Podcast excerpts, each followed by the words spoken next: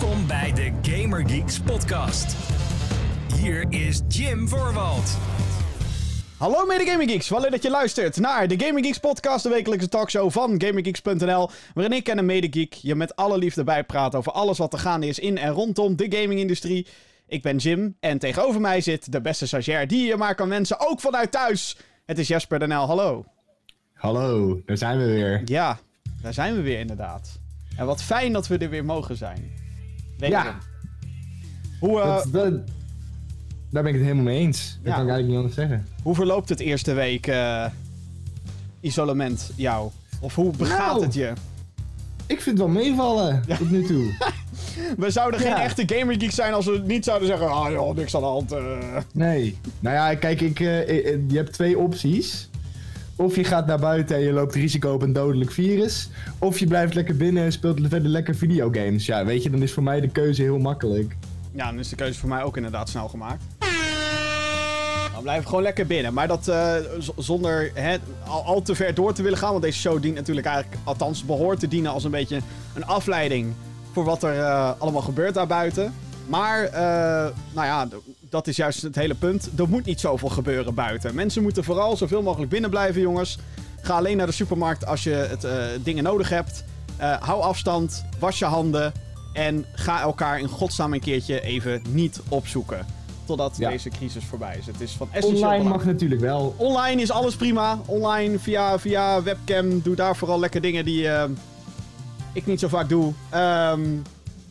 Ofwel, weet ik niet. Geen idee. Maar eh, in godsnaam, blijf binnen. Ik heb eh, dit weekend allerlei foto's weer voorbij zien komen van mensen. Dat ik denk, ah. Ah. Ah. De rillingen lopen over mijn rug. Nou ja, kijk, het, het- is voor mij vooral zo. Kijk, eh, wij zijn jong, hè? We mogen onszelf nog als jong klassificeren, denk ik. Vraagteken. Ehm, maar. Ik in ieder geval wel. Du- Dus, dus dat, dat dit hele corona-gebeuren ons fataal wordt, die kans is klein. De kans bestaat natuurlijk nog wel, maar die kans is heel klein. Maar denk in godsnaam even aan je medemens. Dat is vooral eh, wat ik ermee wil zeggen. Dus, eh, nou goed. Tot dusver. Tot zover. Nou ja, dat zeg ik nu wel tot zover het coronavirus, maar... Hè? Het is een week met eh, gaming nieuws en daar zit ook weer dat leuke COVID-19 zit er natuurlijk ook weer in. Dat is onvermijdelijk. Je kan er niet omheen. Nee, Nee. zeker niet. Maar verder is er gelukkig genoeg afleiding. En daarom zijn wij er. Hallo. Mocht je deze show enigszins leuk vinden, dan raad ik je van harte aan om je te abonneren op deze podcast. Dat kan natuurlijk via je favoriete podcastdienst. Zoals eh, Google Podcast, Apple Podcast, Spotify. Daar zijn we ook op te vinden. Er is ook een videoversie beschikbaar via youtube.com slash. En we streamen dit elke week live op onder andere twitch.tv slash gamergeekslive. Dus, ehm nou dat doen we op dit moment natuurlijk ook weer. Dus leuk dat er weer mensen bij zijn en zo. Welkom. Welkom. Welkom in de safe space van gaming. De televisie doet alles nu pas zonder publiek en dan oh, via live internet. Oh, haha, wij waren veel eerder. Wij doen het al 123 afleveringen zonder publiek. Daarom, haha. Zo is het. Verdomme. De playlist. Dus, eh, laten we dan ook snel gaan naar de playlist. Wat hebben we allemaal gespeeld deze week? Nou, met alle tijd van de wereld. Grapje, ik werk gewoon thuis. Ja, volgens mij ook. Dus Ik ook. Ja, zeker. op zich valt het dan nog wel mee, weet je wel, qua, eh, qua vrije tijd en zo. Voor sommigen is het natuurlijk echt gewoon vrije tijd up the ass. Wat ook wel fijn is, denk ik. Soms. Nou ja, fijn. Nee, weet niet. Het ligt er een beetje aan of je, of je zelfbeheersing hebt.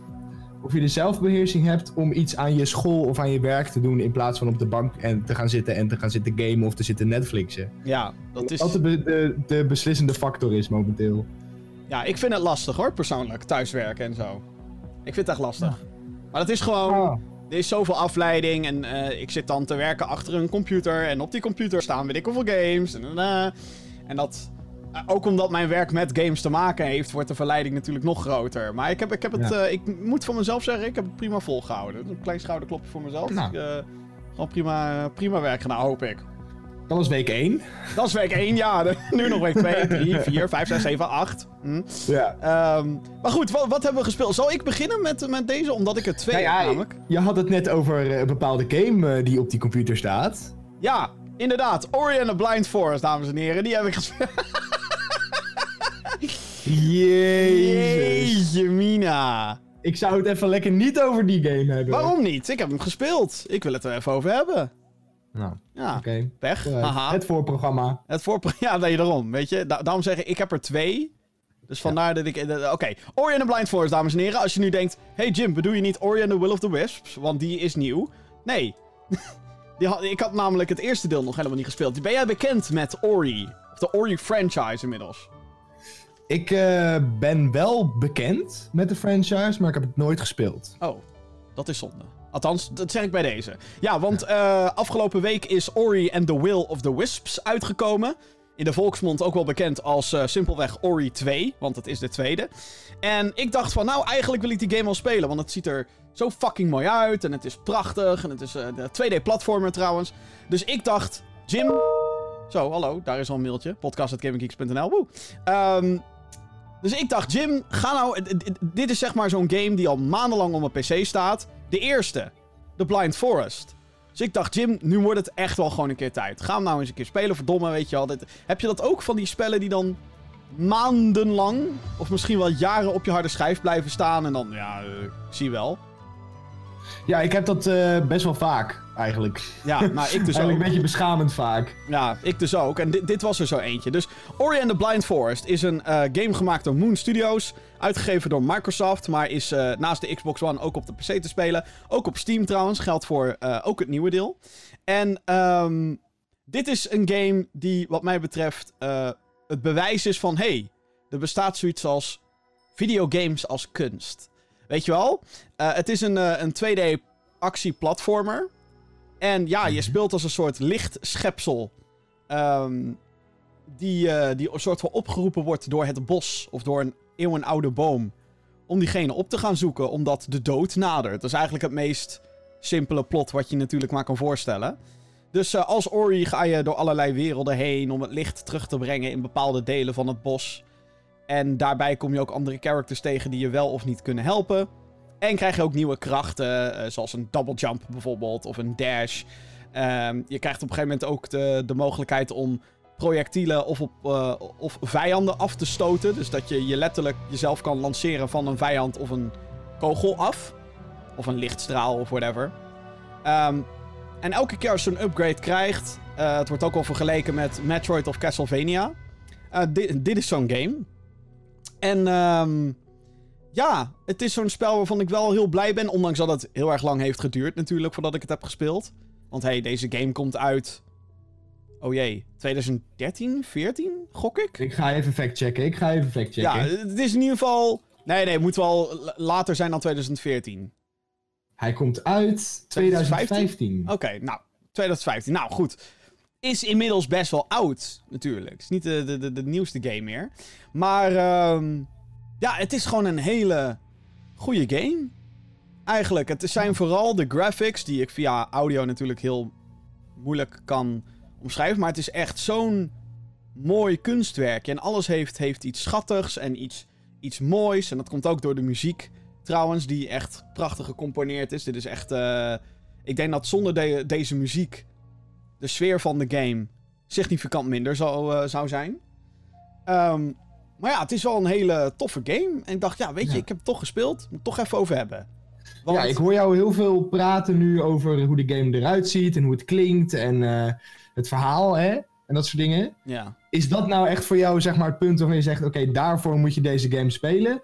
Of is het ook een stukje gameplay? Dat de gameplay ook heel fijn speelt en. eh, Ja. of, of heb je daar wat meer moeite mee, zeg maar? Ik heb daar wel wat meer moeite mee, ja. Eh, en dat komt niet door de basismechanics, want hè, je rent en je springt en je schiet soort van met, met automatische... soort van auto-targeting schiet je vijanden kapot. Ehm, maar er zijn gewoon bepaalde punten in deze game waardoor het heel frustrerend kan zijn. Dat je achter elkaar doodgaat. En je kan op elk punt kan je je eigen save slot maken. Je eigen Mhm. checkpoint eigenlijk. Vergeet je dat dus vijf minuten te doen. En je bent langs de halve map eh, heen gesprongen. En je gaat dan dood. Ja, dan is het wel zo. Ah ja, kut, ik heb niet gesaved. Ja, je moet constant onthouden, zeg maar, om even op te slaan als je voor een moeilijk punt staat. Ja, ja, o- of als je onbekend terrein ingaat, dat je denkt, nou, ik ben nu even een stukje verder. Dit leek lastig, dus ik moet even saven. Ehm, maar er zijn inderdaad een paar dingen. De, de controls zijn een beetje glipperig.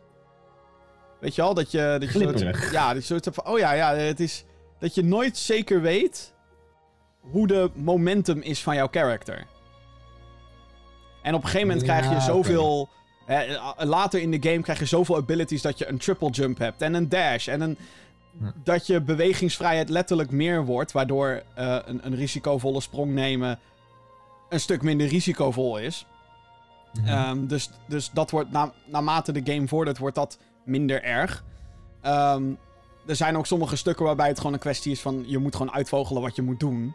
Dan doe je de hele tijd dingen op een verkeerde manier. En dan, oh, het moest zo. Oh. Tien Ja. scheldbuien later, zeg maar. Dat, dat heb ik. De, de game helpt je niet, zeg maar. eh. Nou ja, het helpt je wel, maar sommige dingen zijn, zijn... Dan moet je een mechanic net iets anders gebruiken dan, die je, dan hoe je het daarvoor hebt gebruikt. Oké. Dus dan op die manier. En het andere wat ik had is eh, dat de combat echt fucking saai en slecht is. En dit heeft te maken met het aantal lichteffectjes wat deze game heeft. Want het licht is fucking mooi gedaan, maar alles geeft licht af. Bekend. Ja. Dus jouw aanvallen hebben een soort van lichtwaas om zich heen. Jouw character heeft een lichtwaas om zich heen. En hierdoor is het best wel lastig om projectielen van vijanden te zien. Die, rara, ook een lichtwaas om zich heen hebben.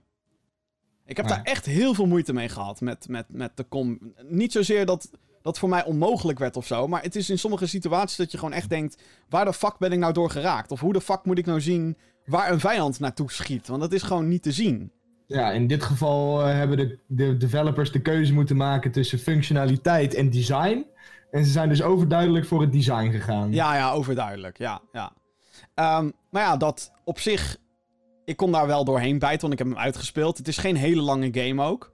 Ehm, Mhm. Ik heb volgens mij op mijn Steam-teller nu 11 uurtjes staan of zo. Dus, dus het is niet heel lang. Ehm, heb ik letterlijk alles. Volgens mij heb ik wel alle upgrades heb ik. En alle health en, en mana, als het ware, upgrades heb ik. Ehm, dus ja, maar wat dat betreft dus ook een lekker tussendoortje, zeg maar. Ori and the Blind Forest. Ja, zeker. Dus eh, En ook inderdaad wat je zegt dat hij niet zo lang is, dat is op zich wel fijn. Want eh, heel je fijn. zou het in principe in een weekend uit kunnen spelen. Ja, ja. Ik heb het afgelopen week gestart en uitgespeeld. En Ja. Ik moet wel zeggen dat de uiteindelijke ervaring. Ik klink nou best wel negatief, merk ik weer. Maar de uiteindelijke ervaring is het zo waard. Want dat verhaal en die muziek en dat design dus inderdaad is gewoon. Dat is fucking prachtig. Ja. Dus ja, Ja. nu heb ik zin in de tweede. ja, nou ja, die is dus nu uit. Dus Ja. eh, ik zou zeggen, pak hem erbij, hè? nou, nou ja, die, eh, die staat in mijn Steam winkelwagentje als het ware. Ah, Zo nice. 30 euro of zo, de nieuwe. Dus ehm, ben ik ben echt benieuwd. Ik heb nog niet heel veel daarover gelezen. Ook, ga ik denk ik ook die doen. Ehm, en ik ben natuurlijk ook bezig geweest met een andere game. Maar eh, Ja, eh, nou ja, klein gamepje wat uit is gekomen. klein, klein gamepje maar. Ehm, jij hebt ook nog wat gespeeld, hè? Een, eh, ook een, Ja. een, een, klein gamepje. Ik heb een ander klein gamepje van een andere kleine uitgever. ik weet niet of je ze kent, maar ze eh Weet ik ze kan nou niet herinneren. Volgens mij zijn ze ook nog maar net in Nintendo, business. geloof ik. Endo? Wat? Endo Skeleton? Nee, Nintendo. Nintendo? Oh, Nintendo. Die nieuwe. Die nieuwe ja, van hun. Hoe heet het ook weer? Ehm fuck, ik ben het kwijt. Ik weet Ja, je hebt gespeeld op zo'n Game Boy ding, toch? Ja, op zo'n... Ja, met van die gekke kastjes en die je dan in je tv kan doen, weet ik het allemaal. Oh, de Iets met dieren. PlayStation Switch. Ja, ja, dat was hem. dat ding. Ja. Ja. Zeker. Ja. Nee, even zonder gekheid, jongens. The Game of the Year is uit. Oh, we gaan het nu over Doom Eternal hebben. Wat leuk. Nee, nee, nee, nee, nee, nee, nee, nee, nee, nee, nee. Animal Crossing New Horizons, dames en heren. Wat een game. Wat een game. Maar, er is een twist side. Oh jee. Oké, wacht even, wacht even. Even de context. Animal Ja, Crossing. eerst even de context. Animal Crossing. Animal Wat is. Animal Crossing? kwam van origine uit op de Nintendo 64 DD. Dus je denkt, wat the fuck is dat? Het is letterlijk de Nintendo 64 disk drive, kwam alleen uit in Japan, is geflopt. Vervolgens kwam de game naar Gamecube, dat is waar wij Europeanen voor het eerst werden geïntroduceerd aan Animal Crossing. En sindsdien is het eigenlijk een, eh, een van de pijlers van Nintendo geworden. Ja, staat zeker in elke- het lijstje van Zelda en van Mario, denk ik. Ja, elke grote Nintendo-platform krijgt een Animal Crossing game. Behalve de Wii U, die heeft Animal Crossing Amiibo Festival gekregen. Ik denk dat de Wii U-bezitters depressief werden sinds dat punt. Want dat schijnt ook een Ja. fucking kut game te zijn. Een soort van Mario Party rip-off met Animal Crossing. Maar dan dat je verplicht Amiibo's moet inzetten. En zonder de fucking minigames. Goed. Ja. En, eh, ik ben denk- niet eens een groot dat fan van Animal Crossing. Ik weet niet eens waarom ik boos word, jongens. Ik weet het niet. Ik denk dat de Animal Crossing fans eh, die het bestaan van die game een beetje ontkennen. En terecht. Ja. ja. Ja. Maar goed, de nieuwe is nu uit. Yay! Animal Crossing's New Horizons voor de Nintendo Switch is afgelopen vrijdag 20 maart uitgekomen. En ehm, ik heb sindsdien eh, eh, lekker zitten spelen. Eh, wat zeg maar het, het principe is van de game is dat jij wordt gedropt op een eiland. Letterlijk. Je komt met een vliegtuig aan en dat eiland is eigenlijk helemaal leeg. Zover je kan zien staan er overal bomen en er is onkruid en gras en water en er is ook een strand. Want het is een onbewoond eiland waar je eigenlijk eh, aankomt. Op een onbewoond eiland. Ja, ze hebben er zelfs een liedje over geschreven, je hoort het al. Ehm, zit overigens niet in de game, maar had wel leuk geweest. Ehm, maar het principe van deze game is eigenlijk: ga je eigen eiland bouwen. En eh, dat doet de game op een hele charmante en, eh, en rustige manier, moet ik zeggen. Eh, de game laat je heel erg vrij in wat je, wat je kan doen en wat je wil doen. Ehm, dus wil jij alle, al je bomen om gaan hakken, dan kan je dat doen. Daar krijg je natuurlijk ook weer dingetjes voor terug. Zo hangen er stukjes fruit in de, in de bomen. En, die boom, en die stukjes fruit die verschillen ook weer per eiland. Daar kom ik zo op terug. Eh, je, als je zo'n boom ophangt, krijg je natuurlijk ook hout. En met dat hout kan je weer dingen gaan craften. Om dus een huisje te gaan bouwen. Om eh, straten aan te gaan leggen. Om bruggen te bouwen. Om eigenlijk zover je maar kan denken, kan je eigenlijk doen in deze game. Ehm, en ik zei net dat, ze dat, dat dit dat op een hele langzame manier doet. En dat komt eh, omdat er een mechanisme in zit. Eh, die wel bekend is van eh, de iOS en Android devices. En dat is namelijk dat je iets aanklikt, ga dit bouwen. En dat dat dan vervolgens 24 uur duurt voordat dat een keer klaar is. Oh, wauw. En normaal zou je zeggen, nou wat een kutspel, daar heb ik helemaal geen zin om daarop te wachten. Maar in dit spel vind ik dat absoluut niet erg. Ja, ik herken het nog, want ik heb de oude Animal Crossing op de Wii heb ik gespeeld. Mhm. Ja, ja, old school. Heel oldschool. En daar is het inderdaad, althans ik weet niet hoe jij dit speelt, maar voor mij werd het toen, de, toen der tijd, was het een soort van dagelijkse routine. Ik ga even mijn, in, Ja. in het geval van de Wii-versie was het een stadje, maar in dit geval zal het zijn, ik ga mijn eilandje weer even, eh, dan zijn er weer bomen hergroeid of je bloemen zijn dan... eh, die, je kan zaadjes planten en zo, die moet je water geven. En dan komt, komt er een bloem uit. En met die bloemen kan je dan weer ruilen voor iets anders. En dat kan je dan weer ruilen met andere spelers. Blablabla. Zo Ja. krijg je dat allemaal. Ehm, dus ja, dat, dat, herken ik wel, ja. Ja, dat zit hier nog steeds in. Ehm, dus eh, hè, als je bijvoorbeeld... eh, op een gegeven moment eh, komt er een character op je eiland. En dat character dat wil graag een museum bouwen op je, op je eiland. En hij vraagt van ja, ik heb wel een goede start nodig voor dat museum. Dus wil je even 15 beesten voor me vangen? 15 verschillende beesten. Dus nou oké, dan ga je op pad en dan ga je 15 beesten vangen. Dan vervolgens lever die bij hem in en dan zegt hij ja oké, ik heb nu genoeg beest, ik ga nu mijn museum bouwen. Nou, en dan, eh, dan ga je weg en dan, eh, weet je wel, dus als het ware sluit je je switch af en dan de volgende ochtend word je wakker. En staat ineens zijn tent waar hij stond, eh, staat ineens in de stijgers. Oh, hij is inderdaad aan het gebouwen. En dan de hele dag, dat is dan toevallig bij mij vandaag. Vandaag zag ik hem alleen maar in de weer om dus hè, materialen daar naartoe te brengen. En, en dus ook daadwerkelijk een museum te bouwen. Nou, dat duurt dan een dag. En als het goed is, als ik morgen inlog op mijn Switch, ehm, dan staat er dan een mega groot museum. En eh, normaal gesproken zou ik zeggen van nou, weet je, als ik dat museum eh, wil hebben, dan eh, weet je, doe even een leuke cutscene dat hij aan het bouwen is en dan staat het er. Maar in deze game vind ik het totaal niet erg als dat even wat langer duurt. Want ik vind dat dat echt onderdeel is van de ervaring, van de Animal Crossing ervaring. Eh, dat je juist 's ochtends inderdaad je Switch opstart. En eh, dat dan eh, Tom Nook, dat is dan een beetje de aannemer van, van het bedrijf. Of van het eiland, sorry. En die ook ehm, jou uiteindelijk op dat eiland zet. die begint elke ochtend met een soort toespraak voor het hele dorp. Want je zit natuurlijk niet alleen op dat, dat eiland. Er zijn wel me- medebewoners. Is dat niet gewoon het Temptation Island kampvuur? Temptation. Ik heb geen Temptations gekeken, dus eh, Nou, geen eh, het idee. Expeditie Robinson kampvuur dan. Ja, een soort van. Alleen er wordt niemand, er wordt niemand uitgestemd. Ah, jammer. Nee, het is wel zo dat van... zou eh, grappig zijn. ja, dat zou wel leuk zijn. Eh, Dat je gewoon mensen van je eiland af kan knikkeren of zo. ja, of dat, dat die bewoners op een gegeven moment Ja. zeggen... Nou, je flikker jij maar op, want jij hebt mijn eh, boompje omgehakt. Weet ik veel. Nou, Ja. weet ik veel. Nu Maar goed, altijd nee, zo werkt het niet. Want deze game is, is te zacht en te lief en Ja, te ja. aardig daarvoor. Ik, ik zag een tweet voorbij komen over... Yo, weet je, mensen eh, hebben kritiek op de gameplay van Animal Crossing... maar ik ben hier zo lekker hard op aan het viben, jongen. En toen dacht ik, oh ja, ja, dat is deze game. Precies. Ik, ik dus ook. Ik word hier helemaal zen van en gewoon helemaal rustig als ik dit speel. Maar goed, wat ik zei. eh, Tom Nook die begint dus letterlijk elke ochtend met een toespraak. Wat er allemaal is gebeurd de vorige dag. Dus hij vertelt van nou.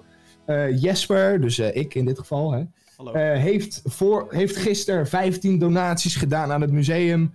En nu is meneer de uil, letterlijk, het is een uil, heel toevallig.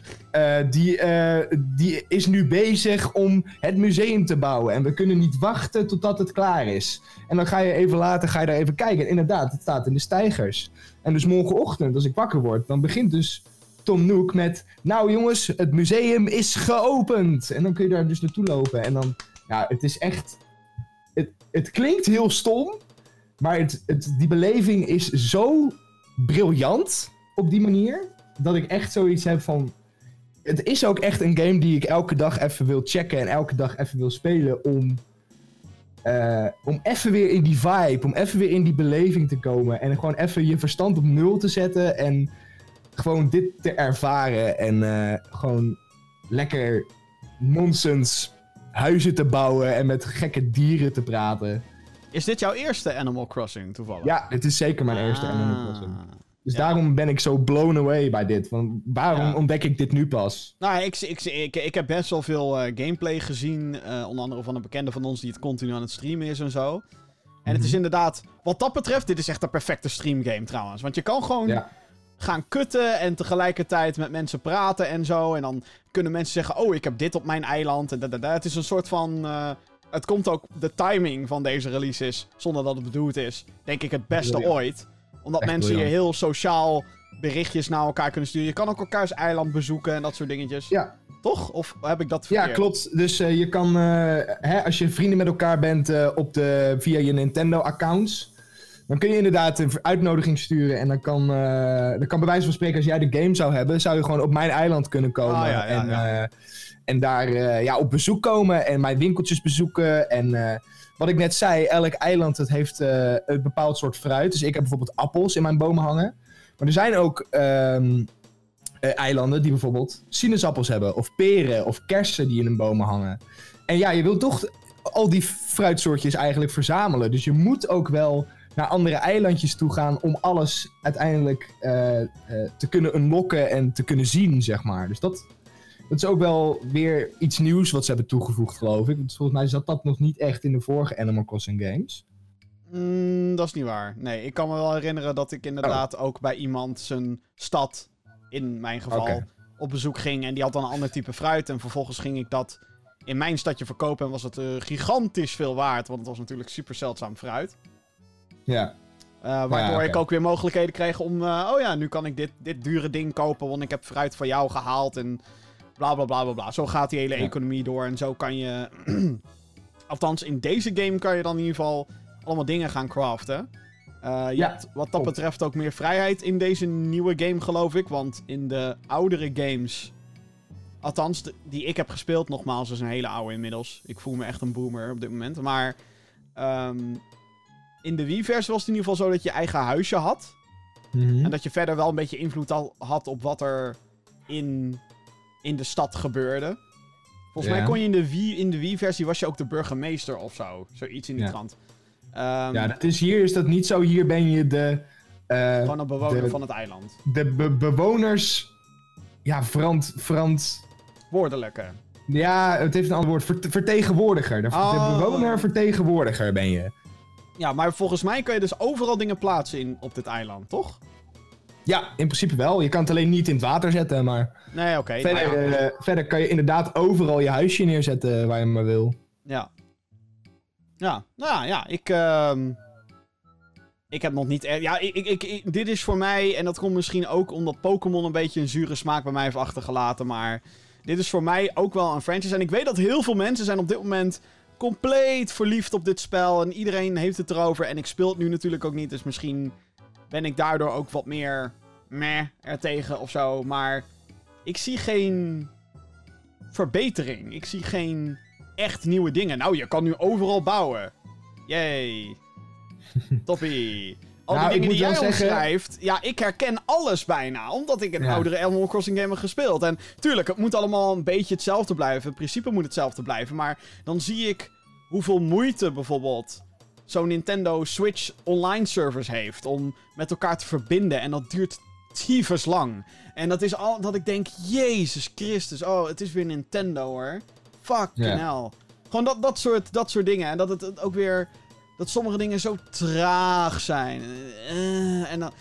Ik snap heus wel, in deze game ga je, gaat het niet om het haasten. En het gaat al helemaal niet om, om dingen snel te willen doen. Nee, zeker niet. Maar dan denk ik wel... Hoe... eh, Stel, ik gewoon even stel. Een... En nu moet ik een goede partij noemen. Oké, ja, nee. EA gaat The Sims 5 maken. Ja. En maakt die volledig online.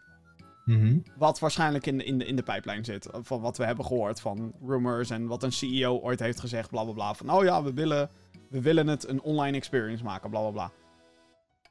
Ik bedoel, het heeft natuurlijk dan niet de charme van een Animal Crossing. Maar zij hoeven maar met hun vingers te knippen. Of het is technisch gezien al gewoon superieur aan wat hier gebeurt. In Animal Crossing. Als het gaat om meubels neerzetten, dingen kunnen bouwen daar. En, en, en de emoties van je Sims en allemaal van dat soort shit. En eh, het is niet dat ik de Sims wil- per se qua gameplay wil vergelijken met Animal Crossing. Want die twee staan wat dat betreft heel ver van elkaar af. Wat ook de bedoeling is, minstens anderhalf meter. Maar dan denk ik wel van ja, het is wel weer. Ik bedoel, ja, het is Animal Crossing. En dat is voor heel veel mensen. En dat blijkt ook wel, want letterlijk iedereen heeft het erover. Dus wat dat betreft, more power to you, weet je wel. Mhm. Maar het is wel weer gewoon een nieuwe Animal Crossing. Nou ja, kijk, het is. Kijk, ik heb, kan eigenlijk niet spreken. eh, want ik, dit is de eerste Animal Crossing die ik, eh, die ik speel. Eh, dus ik heb geen vergelijkingsmateriaal met een eerdere, eerdere variant. Ehm, maar ik moet zeggen dat wat jij net beschrijft, van oh, het is wel heel erg aan hetzelfde. eh, dat is juist, denk ik, de kracht van dit spel. Dat het dezelfde formule pakt, maar eigenlijk in een andere setting nu neerzet. Ja. Ehm, want wat jij zegt, ja, je was eerst de burgemeester en je kon eigenlijk alles bouwen. Dat is in dit, eh, in dit, ja, hoe zeg je dat? In, di- in dit, in dit spel is dat heel anders, want je zit op een eiland, je ruimte is beperkt. Ehm, zeker in het begin, want op een gegeven dus, er zijn dus eh, rivieren die over je, je, je eiland heen lopen, daar kan je niet overheen. Eh, want je hebt geen brug, daar ben je nog niet. Dus je, dus je moet heel erg met je ruimte spelen. En ehm, in hoeverre dat in de vorige game zat, geen idee. Eh, maar ik vind dat juist, zeg maar, een beetje de kracht van dit spel. Dat het, ehm, dat rustige, die rustige sfeer, waar het om bekend staat, dat dat, dat juist in, op zo'n setting, op zo'n onbewoond eiland, dat dat heel goed tot zijn recht komt. En dat je denkt, ja, dit geloof ik. Eh, ik geloof dat deze characters naar dit eiland zijn gegaan en dat ze geen idee hebben hoe ze zoiets moeten doen. Zo'n zo'n eh, zo'n town opbouwen, zo'n zo'n dorpje. En dat jij daar komt en met jouw kennis van die je hebt van het dagelijks leven, dat je die eigenlijk kan toepassen in Animal Crossing, zeg maar. dus in nou, kijk, spel. ik, En- ik ben ook, ik ben ook best wel zuur, maar dat komt nogmaals, wat ik al zei, ik, ik speel het nu niet. Dus het is, ik weet zeker dat als, als, het, als het nu in mijn Switch zou zitten, dan zou ik waarschijnlijk ook zeggen, oh ja, lekker vibe, lekker uh, cherries pikken, letterlijk, of een ander stuk fruit, ik heb geen idee. Uh, en dan is het waarschijnlijk inderdaad, uh, oké, wie heeft er allemaal een dorpje, want ik kom, ik kom, ik kom je huis slopen. Ik weet niet, volgens mij kan het niet, maar... Nee. Hey, goed zo, want anders zouden er heel veel ruzies ontstaan, denk ik, online. Hm. Dan zouden vriendschappen zouden kapot worden gemaakt. Mijn Zeker. mooie eiland! Mijn mooie eiland! Ehm, Maar ja, dat. Dus, eh, maar op, op dit moment heb ik ook wel zoiets van... Oh my god, 60 euro daarvoor. Nou... Nou... Ik heb nog wat overtuigingskracht nodig, laat ik het zo Ja. zeggen. Ja. En zeker omdat Nintendo natuurlijk nooit hun games in de aanbieding doen. Tenzij ze weer zo'n Nintendo Selects of Player's Choice lijn uitbrengen. Maar Ja. dat eh, is er tot dusver nog niet voor de Switch. Want dat ding verkoopt veel te goed. En ik weet ook zeker dat deze game nu al 10 miljoen keer is verscheept. Ja. Zonder gekheid. Dat hij sowieso al in de top 10 staat van best verkochte games. Voor Switch? Dat denk ik wel. Als ik zie hoeveel mensen het over deze game dat is hebben. waar, ja. Maar dan is het meer dan Oh. 10 miljoen. Dan denk ik dat het inderdaad rond, de rond de 15 miljoen al eh, zit. eh. Nou, dat zou ik echt dat zou me niet verbazen als dat zo is. Jezus. Zou me ook niet verbazen. Zeker in eh, nou ja, de tijd waarin we leven, dames en heren. Ja, is, eh, precies. is een Maar goed, eh, er is ook een iets agressiever spelletje. oh, echt waar? Ook van een kleine uitgever. Ja, een kleine uitgever, ja. Eh, hoe heet het ook weer? Bug, iets met bugs. Bugs? Ja, Bug, Bugthesda of zo? Bugs, Bugs Bunny? Ja. Heeft hij een game studio? Ja, oh, eh, het, eh, ja, zeker. Dus gaat altijd, what's up, Doc? Off topic, off topic. 16 times the detail, Doc. Oh ja. It is 4 times the size of Fallout 4, Doc. Oh ja. Nee, Bugthesda, dames en heren, heeft inderdaad een game uitgehad, eh, uitgebracht. Dit is de game waar ik zo lang op heb gewacht. Holy fuck! Ik ben bezig geweest met iets anders, inderdaad. Eh, Ik ga even wat te drinken halen. Oh ja, tuurlijk. Ehm 20 maart was eh, inderdaad een eh, belangrijke datum voor gaming. Niet omdat dat cutesy grafkleuren spelletje van een Animal Crossing uitkwam. oh man. Doom Eternal! Holy shit, het is zover! Jeppie! Ik heb het gespeeld! Deze man, Oh man. deze man heeft ik- zo lang zitten wachten. Zo lang. Ja, Hij kwam op Gamescom, kwam die uit die, uit die grote Doom booth bij, eh, bij Bethesda. Echt zo'n smile op zijn gezicht, van oor tot oor. En toen werd hij in november uitgesteld. Zo, ik kon wel janken. Je kon wel janken. Oh my god. Ik weet nog heel goed dat ik. eh, ehm, ik was op mijn werk toen. Hè. Toen konden we allemaal nog op kantoor zitten, dames en heren, lang geleden. Ehm, Lijkt wel een vorig leven. en ik kreeg dat persberichtje kreeg ik binnen via mijn, via mijn telefoon. Ik zat toevallig iets te bespreken en dan. eh, oh ja, ja, ik moet, dat, ik moet dat even checken, bla bla bla. En altijd uit automatisme ga ik dan. Als ik iets moet opzoeken, ga ik eerst altijd langs mijn standaard apps. Dat is heel slecht. Dan ga ik altijd Twitter. En dan mijn mailbox. En toen zag ik Doom Eternal. Belangrijk bericht over Doom. Zoiets was dat persbericht. Toen dacht ik al. Fuck! Ja hoor, uitgesteld. Maar goed. Het heeft even geduurd, maar daar is die. Doom Eternal. Eh, first person shooter. Ehm, heeft Doom nog een introductie nodig? Nou, misschien. Eh, het origineel uit 1993 is zeg maar de reden dat first person shooters zijn zoals ze zijn.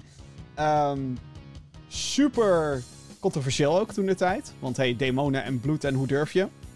Ehm, maar ook heel invloedrijk. Eh, de shotgun, de rollen van een rocket launcher, hoe dat allemaal werkt, eh, level design. Eigenlijk is dat allemaal geboren in het originele Doom. Nog steeds een heel leuk spel. Might I add. Eh, hey. Hey, hey. Maar goed, dit is een vervolg op de 2016 reboot. Wordt nog steeds gemaakt door id Software. Alhoewel de originele makers van de orgi orgi originele Doom er natuurlijk nu letterlijk niks meer mee te maken hebben. Maar goed. Alhoewel, dat is niet helemaal waar. Er zit nog één guy daar in die studio. Die zat er vanaf het begin af aan bij. Maar goed, maakt even niet uit. Details. Ehm, de 2016 Doom vond ik fantastisch. Ehm, die game was gewoon zo ongegeneerd. Je moet demonen doodmaken. En er zijn heel veel manieren om dat te doen. Eh, Gewelddadige manieren. En eh, Doom Guy, of de Doom Slayer, het personage waarmee je speelt, is eh, ongegeneerd ook van. Het boeit me niet wat dit personage mij nu te vertellen heeft. Ik maak dingen stuk. Als ze slecht zijn. Dat is gewoon het hele, hele principe van die game. Nu zat er in Doom, eh, Doom 2016 nog best wel wat lore verstopt. Als je bereid was om dingen te lezen. Maar goed, het heeft vier jaar geduurd. Eh, en eh, nu is er een vervolg, Doom Eternal. En ik, dit is waar mijn hele weekend naartoe is geweest. Ehm, Naar hel. naar Hell en Hell on Earth en back. Eh, oh ja, dat of opname. Ben ik helemaal vergeten te zeggen. 22 maart 2020, by the way. Hi. Dus het is ehm, officieel gezien eh, twee dagen na release. Ik heb de singleplayer voor het eerst uitgespeeld. ik ben er al helemaal doorheen geweest. En ehm wat een fucking magnifieke game is dit. Doom is Deze game valt... In de, in de makkelijkste zin valt dit te omschrijven is van... Hey, heb jij Doom 2016 gespeeld? Vond je dat tof? Oké, dan vind je dit bruut. Daarbij komt ook wel kijken. Heb je Doom 2016 nog niet gespeeld? Dan raad ik echt aan om die eerst te spelen. Niet alleen maar voor het verhaal, want Doom 2016 eindigt met een best wel... Nou ja, ehm, ik weet niet, best wel een, een cliffhangertje. Ehm, maar vooral ook qua gameplay. Het is een first-person shooter en, en wat, wat, wat zo mooi is aan deze game in vergelijking met Doom 2016 is hoe het alle kritieken heeft gepakt van die game en heeft gezegd: Oké, fuck you. We verbeteren alles. Ja. Ehm, het level design. Doom 2016 was gangetje, arena. Je komt in die arena, alle deuren gaan ineens dicht, of er komen magische portalen of whatever. En er komen monsters. Dat was de gameplay loop. En nou was die gameplay loop fucking goed. Want gewoon die, dat, dat schieten en dat rondspringen en de glory kills. Dat zijn soort van executies waardoor je helft terugkrijgt als je die, als je die doet. Ah, het, het, het was zo goed. Het, het zit zo goed in elkaar. Ehm, wa- wa- waardoor ik het dus helemaal niet erg vind. Ehm, alleen, ja, ik, eh, richting het einde van Doom 2016 werd dat een beetje eentonig. Nou ja, misschien een beetje inderdaad. Dat, dat, ja, ja, het was wel, het werd voorspelbaar. Nou, deze game zegt gewoon, oké, nu hebben we gewoon levels. En soms kom je vijanden tegen in een krappere gang. Soms heb je een, een, een... Er zijn nog wel duidelijk arena's aanwezig... waarbij je in sommige gevallen ook weer vastgezet wordt. Maar niet altijd. En, ehm, maar het is veel verticaler. Het is veel... eh, eh, veel bewegelijker. Je wordt veel meer aangemoedigd om te bewegen. En nou moest je in... In de vorige game moest je ook bewegen, want stilstaan is doodgaan. Zowel in deze game als in de vorige, als elke Doom game trouwens. Ehm, doe het niet, stilstaan. Gewoon, nee. Zeker niet op de hogere moeilijkheidsgraden. Ik speel dit op Ultra Violence, wat eh, in, in klassiek Doom een van de moeilijkste standen is. Want hey, je bent een Doomslayer of je bent het niet. Maar, dus, dus het level design is verbeterd. Dat is zeg maar veel meer open, veel groter, veel... De omgevingen, jongen, zo vet. De locaties in deze game. Het is Hell on Earth, gebaseerd op Doom 2. En ehm, het is zo prachtig. Het is zo mooi. Als ik hierna terug zou gaan naar Doom eh, 2016, dan denk ik dat ik, eh, ik zoiets heb van: oh ja, dit is klein. Dat je schrikt eigenlijk. Dat je eh. eigenlijk schrikt, ja, van oh my god. En het detail en de lichteffecten. Het is zo prachtig. Het is een prachtige game. Ehm, zo vet. Dus, ehm, wat was er nog meer voor kritiek op 2016? Nou, de muziek. Geloof het of niet, maar Mick Gordon, die de 2016-versie heeft gecomponeerd, heeft zelfs de kritiek die er was op zijn geniale soundtrack. Want dat was echt br- briljante soundtrack. Maar ik snap dat sommige mensen zoiets hadden van... Oh ja, het was iets te veel... Een beetje ex- heel experimenteel was het. Mick Gordon Ja. heeft gezegd... Oké, we pakken de geluiden die jullie tof vonden. En voor de rest streamlinen we het een beetje. Maar maken we het misschien nog wel harder. Meer gitaren, meer metal. En de elektronische beats zijn er zeker ook nog steeds. Maar minder wop-wop en wat meer pam-pam. Ja. Fantastisch. Geweldig. Nou, laatste kritiekpuntje die mensen hadden op Doom 2016. Eh, dit monster... Of daar twee eigenlijk. Oké, twee kritiekpuntjes. Eh, dit monster zat er niet in. Dat monster zat er niet in. Alle fucking klassieke monsters zitten hierin. Hey. Allemaal. Met uitzondering van iets wat een bos was in Doom 2016. Maar dan is het logisch Doom- dat hij hier niet meer in zit. Doom Ultimate. Bijna, ja. En, en, en nieuwe vijanden ook, by the way. Het is niet alsof ze alleen maar classics hebben. Ze hebben ook allerlei nieuwe type vijanden. Maar daar kom Ja, ik zo op terug. Ehm, dus dus alle, alle vijanden zijn terug. En een laatste kritiekpunt die mensen hadden... was dat alhoewel Doom 2016 pretendeerde om geen fuck te caren om het verhaal, toch zaten er een paar unskippable verhaalstukken in die game. Ja. Eh, hebben ze opgelost. Nu zijn het gewoon cutscenes die je gewoon kan skippen. Punt. Nou, Ja, eh... prima opgelost toch? Ja, wat maakt deze gameplay nou zo ontzettend vet? Het is wanneer alles samenkomt. Dus dat je continu aan het schieten bent, eh, is overigens niet waar. Er zijn zat stukken waarbij je aan platforming doet. Ja, ja, platforming, klimmen, jumping pads, allemaal van dat soort eh, geinige elementen die erin zitten verwerkt. Soms een klein mini-puzzeltje die je moet oplossen. Nooit echt iets waardoor je heel lang vast kan zitten. Eh, meestal zijn die puzzeltjes eh, bedoeld om secrets te verbergen. Wat je natuurlijk wil hebben, want er zijn weet ik hoeveel collectibles in de game. En upgrades, dus eh, vooral daarvoor wil je zoveel mogelijk gaan... Ik heb echt weet ik hoeveel uren gespendeerd in de game met gewoon... Oh, ik zie een vraagteken op mijn map. Hoe kom ik daar? Drie keer, drie keer zo'n kamer rondcirkelen en dan erachter komen dat je eigenlijk één halletje verder moet lopen. Oh, hier zit een crack in de wall. Laat ik die openslaan. Ehm, wat zo fucking vet is, is de gameplay zelf. Het, het, het schieten sowieso is echt keihard, weet je wel. Het is de meest harde vorm van combat die je maar kan hebben. Maar daar waar Doom 2016 had guns en je had de glory kills, dus een soort van executies. Als een vijand zwak was en is, is ook in deze game zo, dan kan je die Mhm. executeren. Die animaties duren 1 tot 2 seconden. Zijn ontzettend gruwelijk, echt waar. Doomslayer voor Mortal Kombat, iemand. Want zo gruwelijk zijn deze executies. Ehm, ik heb echt heel vaak heb ik zoiets gehad. Zeker als er dan een nieuw enemy type komt opdagen. En die kan je dan glory killen. Dan zie je van. Oh! Dan zit je echt op die manier van. Oh shit! Dat. Ehm, en dan krijg je health van terug. Heel belangrijk. Wat hebben ze nu toegevoegd? Ehm, is dat de chainsaw, of de kettingzaag. was eerst een, eh, een manier om een soort insta-kill te krijgen. En om ammo terug te krijgen. Dat hele insta-kill doet het nu nog steeds. Maar dat doet het alleen maar bij hele kleine vijanden. Vijanden die nu rondlopen als een soort van kanonvoer. Ja. Voor jou als speler.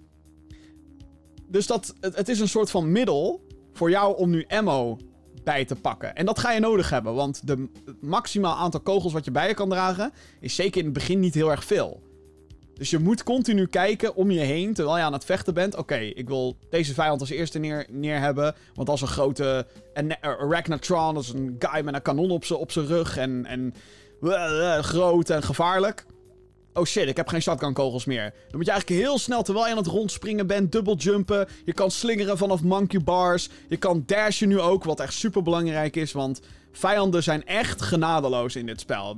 Geen pussy shit hier. Dit is gewoon echt balls to the wall. Zeker als je op de hogere moeilijkheidsgraden gaat spelen. Be prepared to fucking die. Of gewoon echt gewoon op te letten. Adrenaline. Je moet weten, je moet een strategie hebben op, op het moment. Je moet, het is een soort van improvisatiestrategie moet je hebben.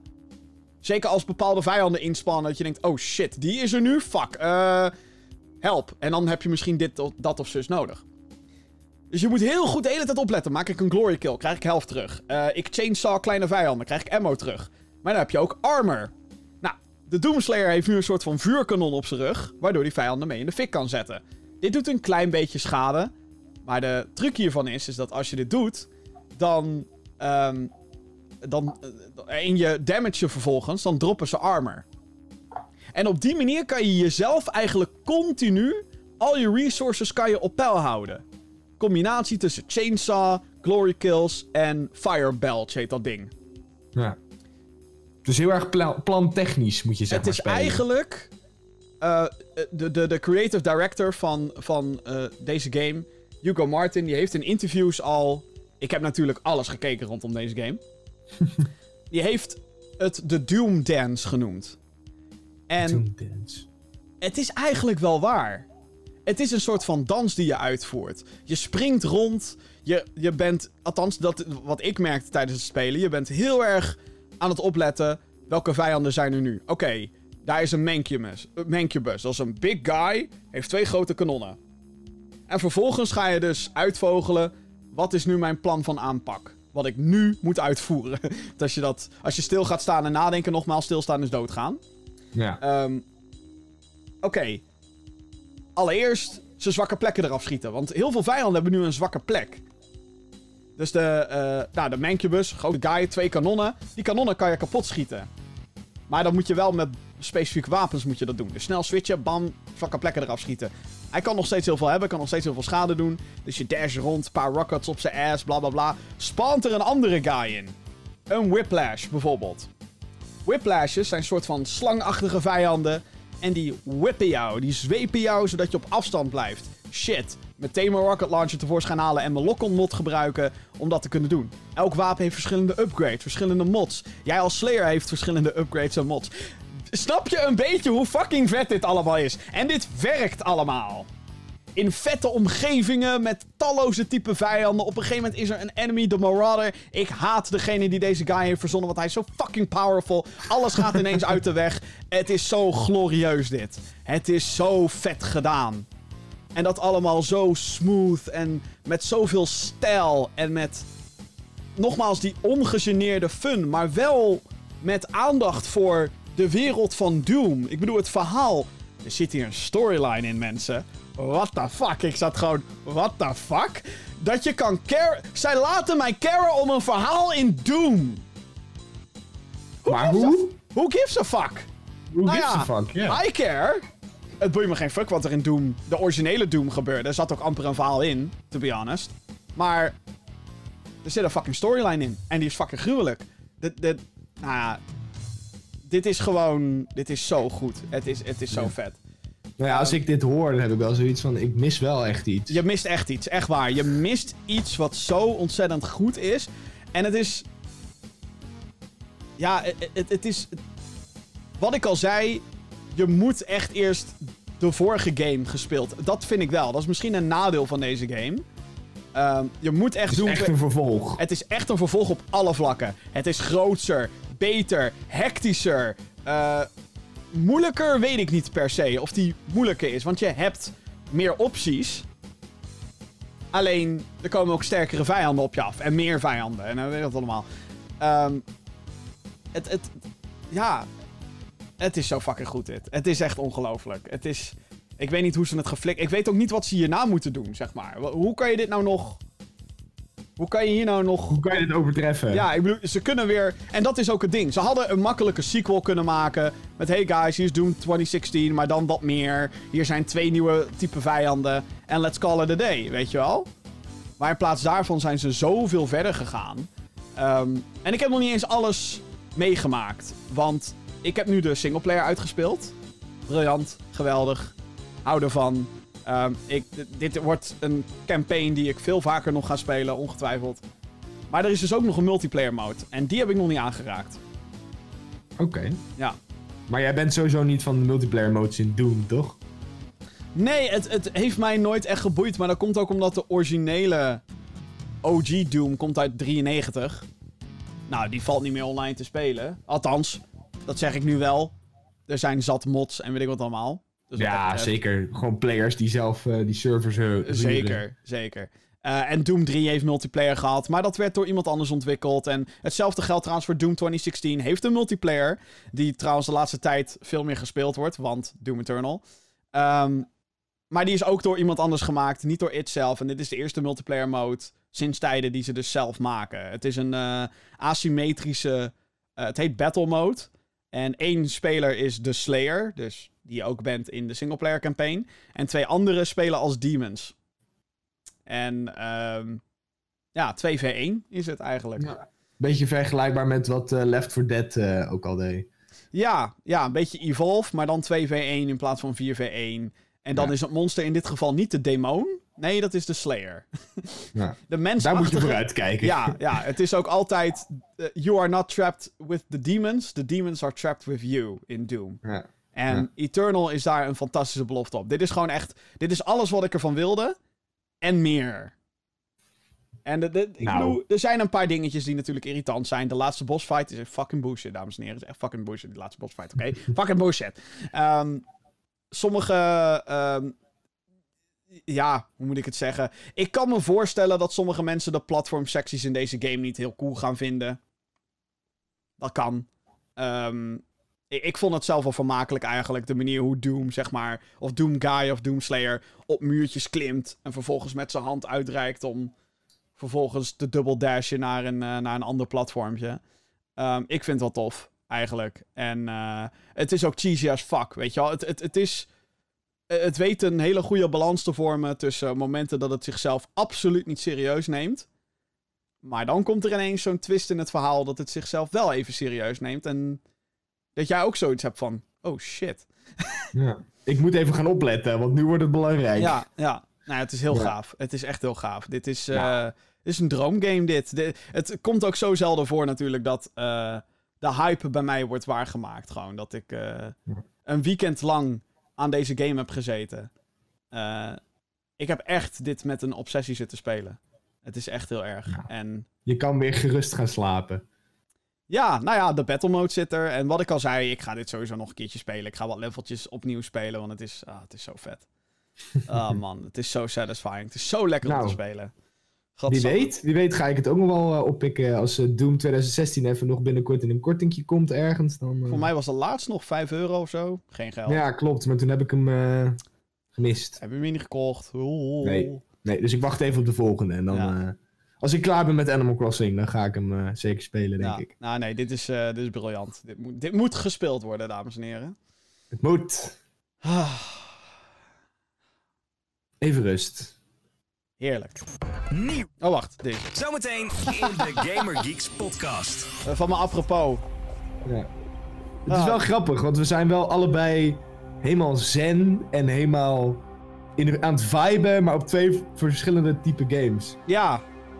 Ja. Ja, nee, het is, het is, eh, het zijn, het is het- zo grappig gewoon dat deze twee games op dezelfde dag zijn uitgekomen. Ja. Animal Crossing en Doom.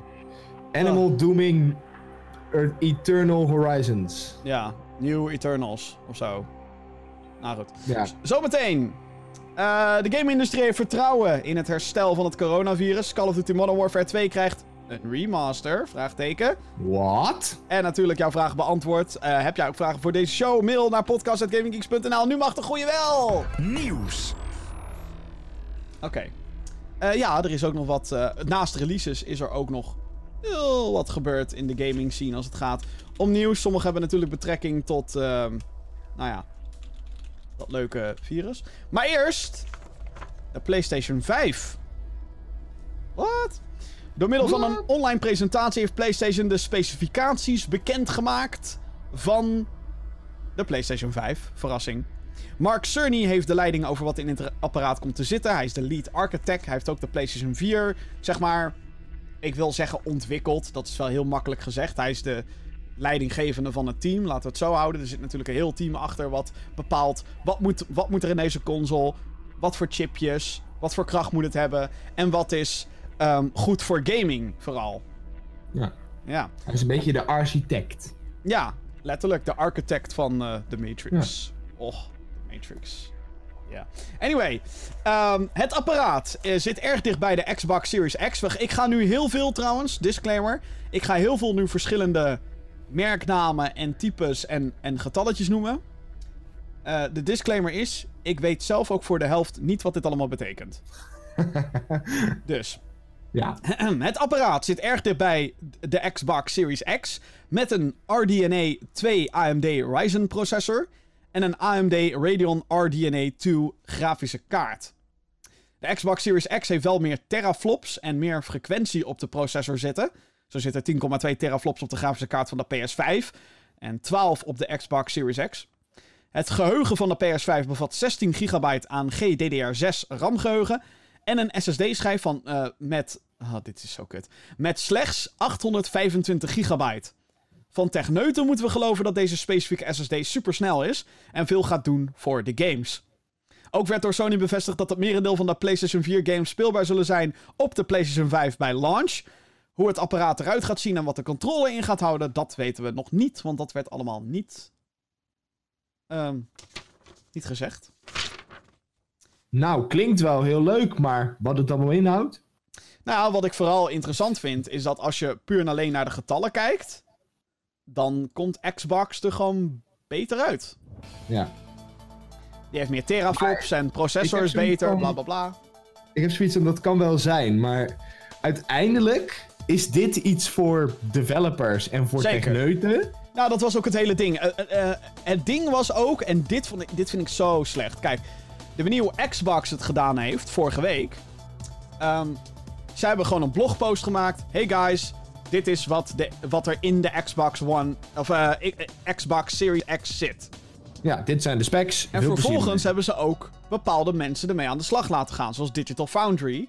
Een geweldig YouTube-kanaal. Mocht je wat meer technisch dingen willen weten over games. Check dat. Digital Foundry.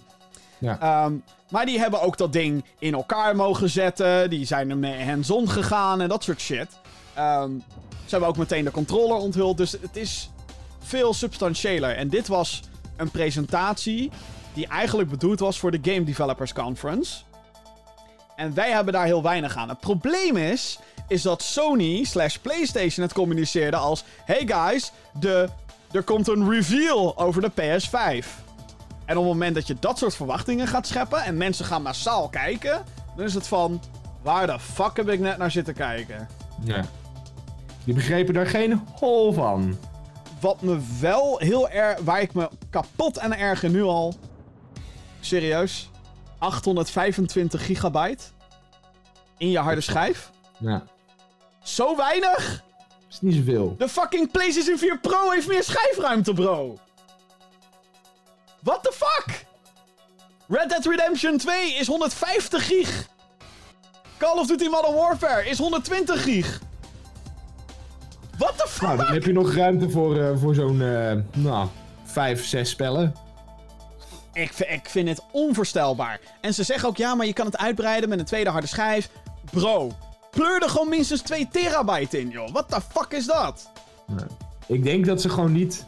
Ik denk dat dat ligt aan de snelheid van die SSD. Ik denk, denk dat ik ze ook, die ja. SSD niet zo groot kunnen maken eh, dat, dat die groter kan, zeg maar. Het wordt continu zeg maar zo van, oh ja, maar dit gaat zoveel uitmaken voor games. Want er kan veel meer assets in gestreamd worden, bla bla bla bla bla. Hartstikke leuk. Maar als ik maar twee games op mijn PS5 kan zetten, sorry hoor, what the fuck. Ja. Kom nou. Dus ik vind het echt belachelijk. Ik vind het echt, ik vind het echt onzin. Het is zeg maar ben je langer aan het downloaden dat je daadwerkelijk aan het spelen bent.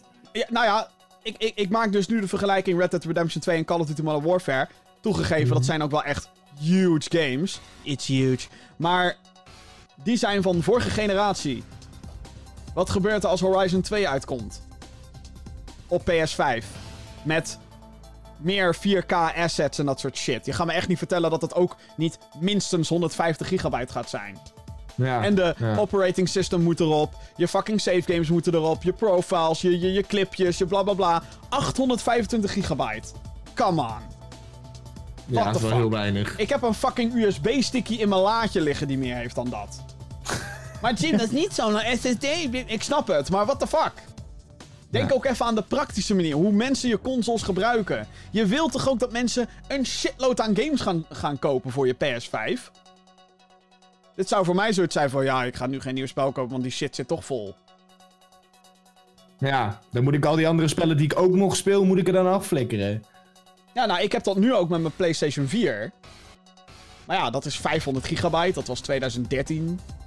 Ehm, en ja, er maar er staan alsnog nu iets van 10 games op of zo. Ja. Als je het vergelijkt met... Nou, ik, ik vind het echt belachelijk. En, en nogmaals, er is meer dan alleen maar het schijf, de schijfruimte. En je kan het uitbreiden, bla bla bla. Maar ik vind gewoon dat de basis... En dit geldt overigens ook voor Xbox Series X hoor. Daar zit 1 terabyte in. En dan kan je met een soort van memory card-achtig dingetje... kan je dat uitbreiden naar nog een terabyte. Dus dat is dan 2 terabyte.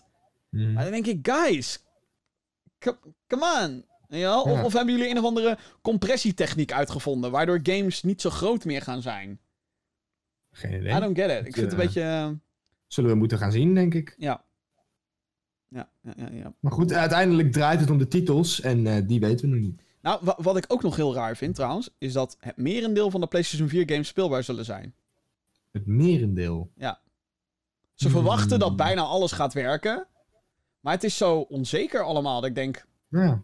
bro, what the fuck? wat?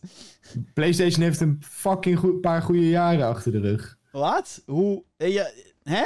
Ja, Hoe- waarom ben je niet zeker van je zaak, weet Het je wel? rijkt van de onzekerheid gewoon. Het, het is echt heel raar. Terwijl Xbox nu helemaal is van... You can play four generations of Xbox Ja, on one device. Bam!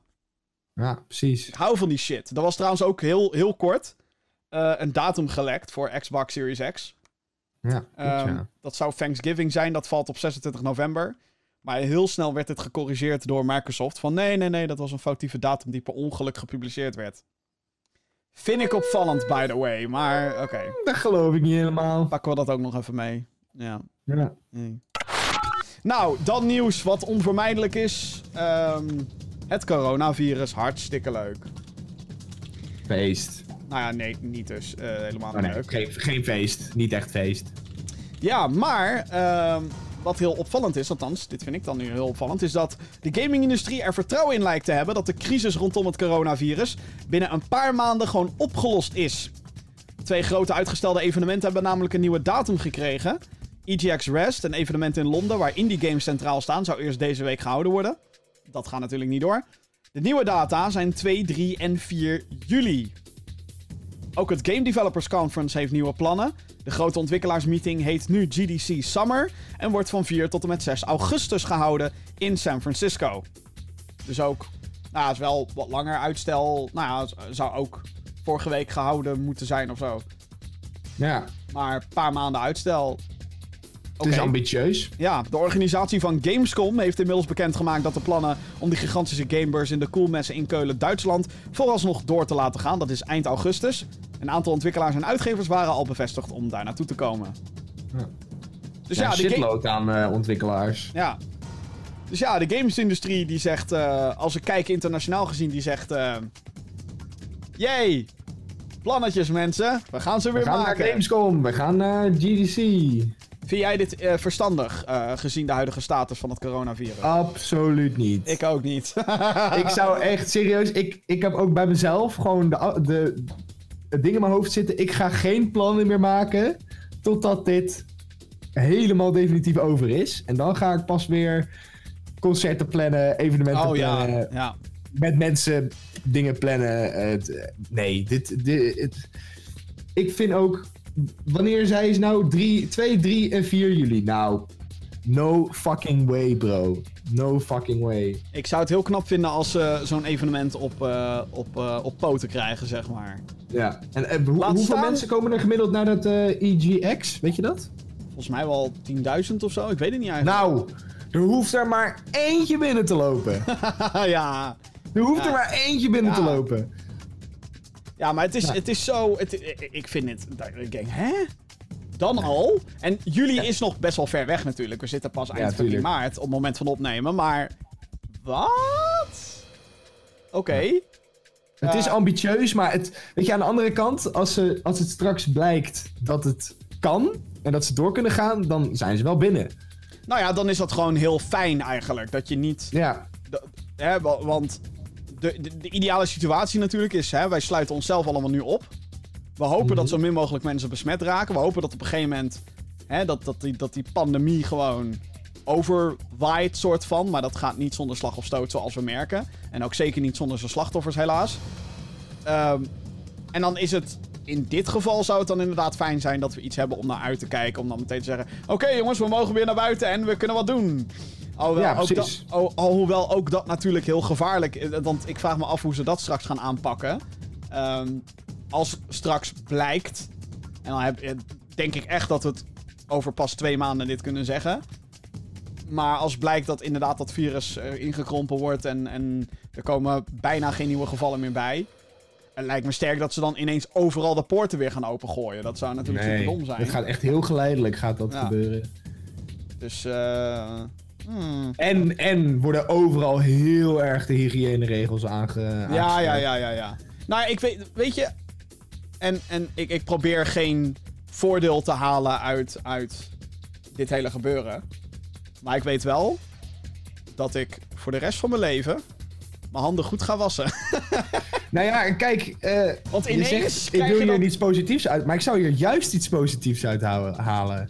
Ja, nou ja, dat, dat bedoel ik dus te zeggen. En ik vind het lullig om dat te doen. Ja. Zo van, hey, ik heb ook op dit moment, ik, vroeger, weet je wel, mijn leven, wat we voor de, even, voor de pandemie hadden, weet je Het wel. leven voor corona. Eh, dat nam ik een beetje voor lief, weet je wel. En nu heb ik zoiets van, al die dingen die ik deed, dat was heel leuk en dat was een beetje, was ook veel tijdsverdrijf. Maar je waardeerde niet meer het, alles wat je kon doen eigenlijk. En nu heb je zoiets van, fuck man, ik kan gewoon al die dingen niet meer doen die ik leuk vind. Zeg maar, die buiten de deur zijn. Gamen Ja, kan ja, natuurlijk ja. nog wel. Maar, eh, weet je, sociale Nou ja. contacten, verjaardagen, festivals, concerten, noem het allemaal maar op. Ik ben de laatste tijd, ik ben naar feestjes gegaan, ik ben naar de bar gegaan, Ja. ik heb Secret Hitler met vrienden gespeeld en ineens is dat, voelt dat toch alsof dat in één keer voorbij is. Ja, En dan- precies. Ga je inderdaad dat veel meer waarderen. Dus wat dat betreft is het misschien ook wel goed. Alhoewel sommige Het is mensen, even een er, eye-opener. sommige mensen hebben er natuurlijk nog steeds fucking scheid aan. En wat dat betreft, jongens, hou op! Fuck Blijf you. binnen! For fuck's sake! Ga niet naar stranden toe. Ga niet naar het fucking Vondelpark toe. Hou op! Blijf binnen! Was je handen! Hou afstand, for fuck's sake! Dan kunnen we gewoon naar Gamescom in augustus. Exact. En beschermen we like de mensen die daadwerkelijk die bescherming nodig hebben. Ja, precies. En hou op fucking wc-papier te kopen. Liefde. Behalve als je het nodig hebt. Alleen maar liefde. Alsjeblieft. Ik heb nog, Alleen één, ik heb nog één XXL pak liggen. Als dat op is, Wojo. ik weet niet. Oh ja, het draaiboek van de Gaming Geeks podcast. Dat kan ik nog... eh, Oh, kan hem gebruiken. En de krant. na de show natuurlijk, hè mensen. Na de show. na de show. Dus. Eh, en het nieuws is nog niet voorbij. Nee, Helaas. zeker niet. Eh, want alhoewel deze evenementen allemaal natuurlijk zeggen... Oh ja, eh, we hebben weer plannen hoor. We gaan gewoon lekker door. Geldt dat niet voor eentje waar wij heel bekend mee zijn. Eh, een Nederlands event. De organisatie van het First Look Festival... heeft deze week laten weten dat het evenement... wat normaliter in de jaarbeurshal in Utrecht gehouden wordt... elke oktober, niet doorgaat. De reden is, zoals verwacht, het coronavirus. Ze zeggen dat partijen op dit moment geen toezegging willen geven om aanwezig te zijn op de gamingbeurs. Hierdoor wordt het lastig om überhaupt een evenement te garanderen. First Look heeft het zwaar, al, hiervoor. Eh, de bezoekersaantallen leek erg weinig vorig jaar en er waren weinig partijen aanwezig. Deze waren er wel, rond dezelfde periode, eh, op eh, DreamHack Rotterdam en Gameforce in België. Dus, ehm hmm, Ja. ja. Ja, Ja. ja. ja, degene die eh, onze video van, eh, van First Look 2019 hebben gezien, die weten dat wij daar inderdaad best wel kritiek op hadden. Met dat ze uit dat, ehm, uit dat najaar moesten. Want eh, wat je net zegt, Dreamhack Rotterdam en Gameforce in België, die zitten daar ook. En eigenlijk had het een slimmere zet geweest van First Look van jongens, wij gaan lekker naar april, wij gaan lekker naar maart, wij gaan lekker naar whatever. Maar ze cancelen gewoon de hele boel. ja. Nou en dat ja, vind ik nog misschien het meest bizarre. is natuurlijk nu ook een soort van tweesplitsing eh, van tweets en zo die ik hierover heb gezien.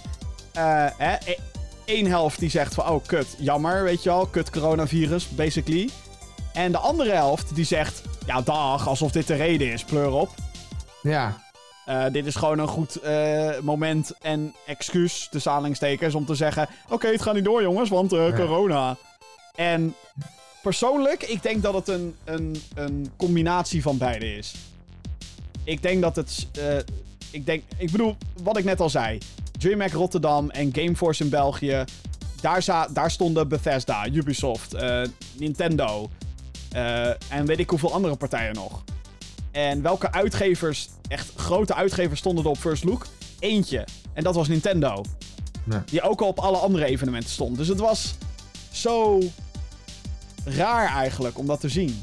Dat Sony met een stand stond op DreamHack Rotterdam. En eh 2K met Borderlands op DreamHack Rotterdam. En niet op First Look. Dus Ja. daar gaat echt wel wat fout binnen de organisatie. En ehm, ik denk dat daardoor partijen nu hebben gezegd. En dit is allemaal, dit is puur speculatie, hè, wat ik nu doe trouwens. Dus, eh, ik baseer dit op letterlijk helemaal niks. Maar mijn suggestie, Gevoel. Je mijn gevoel zegt dat de organisatie van First Look nu natuurlijk hè, al een beetje aan een pijl is van... Goh, wie kunnen er waar, wat, wanneer? En dat ze nu vooral te horen hebben gekregen... Ja, weten we niet. eh, ja, weten we niet. Hè? Het is lastig allemaal, hè? Corona en budget en eh, oh, dat corona is lastig. Dus dat ze op die manier misschien een beetje op een vriendelijke manier zijn afgewezen. Ehm, terwijl ik een soort van durf te wedden dat DreamHack Rotterdam in oktober wel doorgaat. Voorlopig in ieder geval. Eh, ook weer eind oktober. En ik denk dat daar wel weer een paar partijen gaan staan. En ja, het is. Ik bedoel, het is zeg maar kut dat dit nu voor First Look gebeurt. Mhm. Ehm, maar ik denk echt dat het daardoor een combinatie is van beide. Dat zoiets hebben van ja, weet je, en je bezoek. eh, eh, het is zeg maar zo. En het evenement was vorig jaar gewoon niet zo'n groot succes. Ik denk dat we daar gewoon met z'n allen wel gewoon glashard en eerlijk over kunnen zijn. Zeker het was weten. gewoon geen geslaagd evenement. Qua bezoekersaantallen niet en wat mij betreft ook qua invulling niet. Eh, maar goed, daar kan je over discussiëren. Ehm, maar. En dan komt dit er nog eens bovenop, natuurlijk. Dus als mensen nu ergens voor moeten kiezen. En nu is die keuze ineens heel groot, dankzij DreamHack erbij. Ja, dan is die keuze soort van snel gemaakt. Zeker met dat dit gebeuren erbij. Het hele corona gebeuren. Wat inderdaad. En don't get me. Weet je, je zou denken: wat voor effect heeft dit nou? Dit heeft echt heel veel effect op. op, op eh, bepaalde. Zeker lokale marketing. En, en evenementen zoals dit. Want dat kost gigantisch veel geld. Om op, op zo'n first look te staan. Dat is echt dat. dat je denkt: oh, je pleurt een paar tafels neer. Hoeveel kost dat nou? Geloof me, dat kost veel meer dan je denkt. Ja. Echt veel meer dan je denkt. Dus ja, ik, ik vind het, kijk, we- en, en, en, en alhoewel wij natuurlijk shit hebben afgezeken in het verleden. We hebben ook trouwens edities gehad die we fantastisch vonden. En dat riepen we net Niet zo eh, hard. vorig jaar, maar het jaar daarvoor waren we super positief. Het jaar daarvoor ook, dat tienjarig bestaan.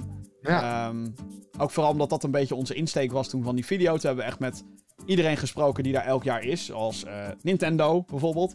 En, eh, en, eh, en Dennis van 2K en, en Ubisoft hebben meegesproken toen. En dan merk je dat zo'n zo'n vibe er heel erg is. En ehm, de vraag is nu natuurlijk, en ik wil deze ook wel bij jou neerleggen. Denk je dat First Look volgend jaar nog terugkomt? Ze willen het wel. Ja, ik kijk. Ik denk dat er twee opties zijn. Of ze komen helemaal niet meer terug. First Look is gewoon Klaar. klaar. Omdat Ja. ze zoiets hebben van ja, we kunnen niet tegen dat geweld van DreamHack en van Gameforce eh op.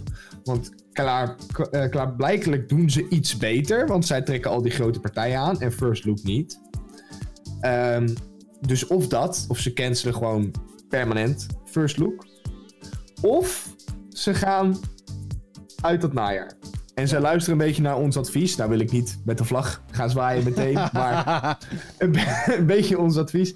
En ze, ja, ze gaan gewoon naar een andere periode en ze vermijden een beetje dat geweld eh, die, dat, wat die twee eigenlijk leveren. Eh, die strijd. Ehm, ik denk dat dat voor hun de beste optie is. Want don't get us wrong. First Look is ook echt een aantal jaar een heel tof evenement geweest. En iets waar we met plezier naartoe gaan. Ja. En we willen Nou, juist is- dat dat, evenement trouwens- ook dat is. Weet je wel, elk jaar.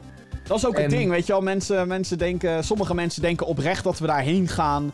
Eh, er was ook iemand die had commentaar op onze laatste reportage. Van ja, jullie zijn er naar binnen gegaan. Hebben twee keer met de camera rondgedraaid en jullie zijn weer weggegaan. Wat absolute bullshit is, want we hebben daar echt de hele dag hebben we daar gezeten. Ehm, dus nee, dat is niet waar. maar Tot, zelfs tot zo laat dat we te laat waren om nog wat te gaan eten ergens. ja, dat we... Nou, nee, dat is niet waar. We zijn toch naar, naar een Italiaan was dat bij. Dreamhack? Dat was bij Dreamhack. Dat was bij Dreamhack, maar. ja. ja. Andere tijden. Andere tijden. Andere sport. tijden. Eh, nee, eh, oh, wel andere tijden. was een week daarna of zo. ja, dat was Eh, echt een week later. Ja. Maar ja, nee, ik, ik heb echt het beste met het evenement voor. En ik vind Ja. het, als, als dit als 2019 de laatste keer was dat het er was, is dat wel echt een shitty way om, om uit te gaan. En Ja. ik zou het heel jammer vinden als het permanent verdwijnt. Maar ik ga inderdaad mee met wat je net zei en wat we ook lopen, lopen schreeuwen.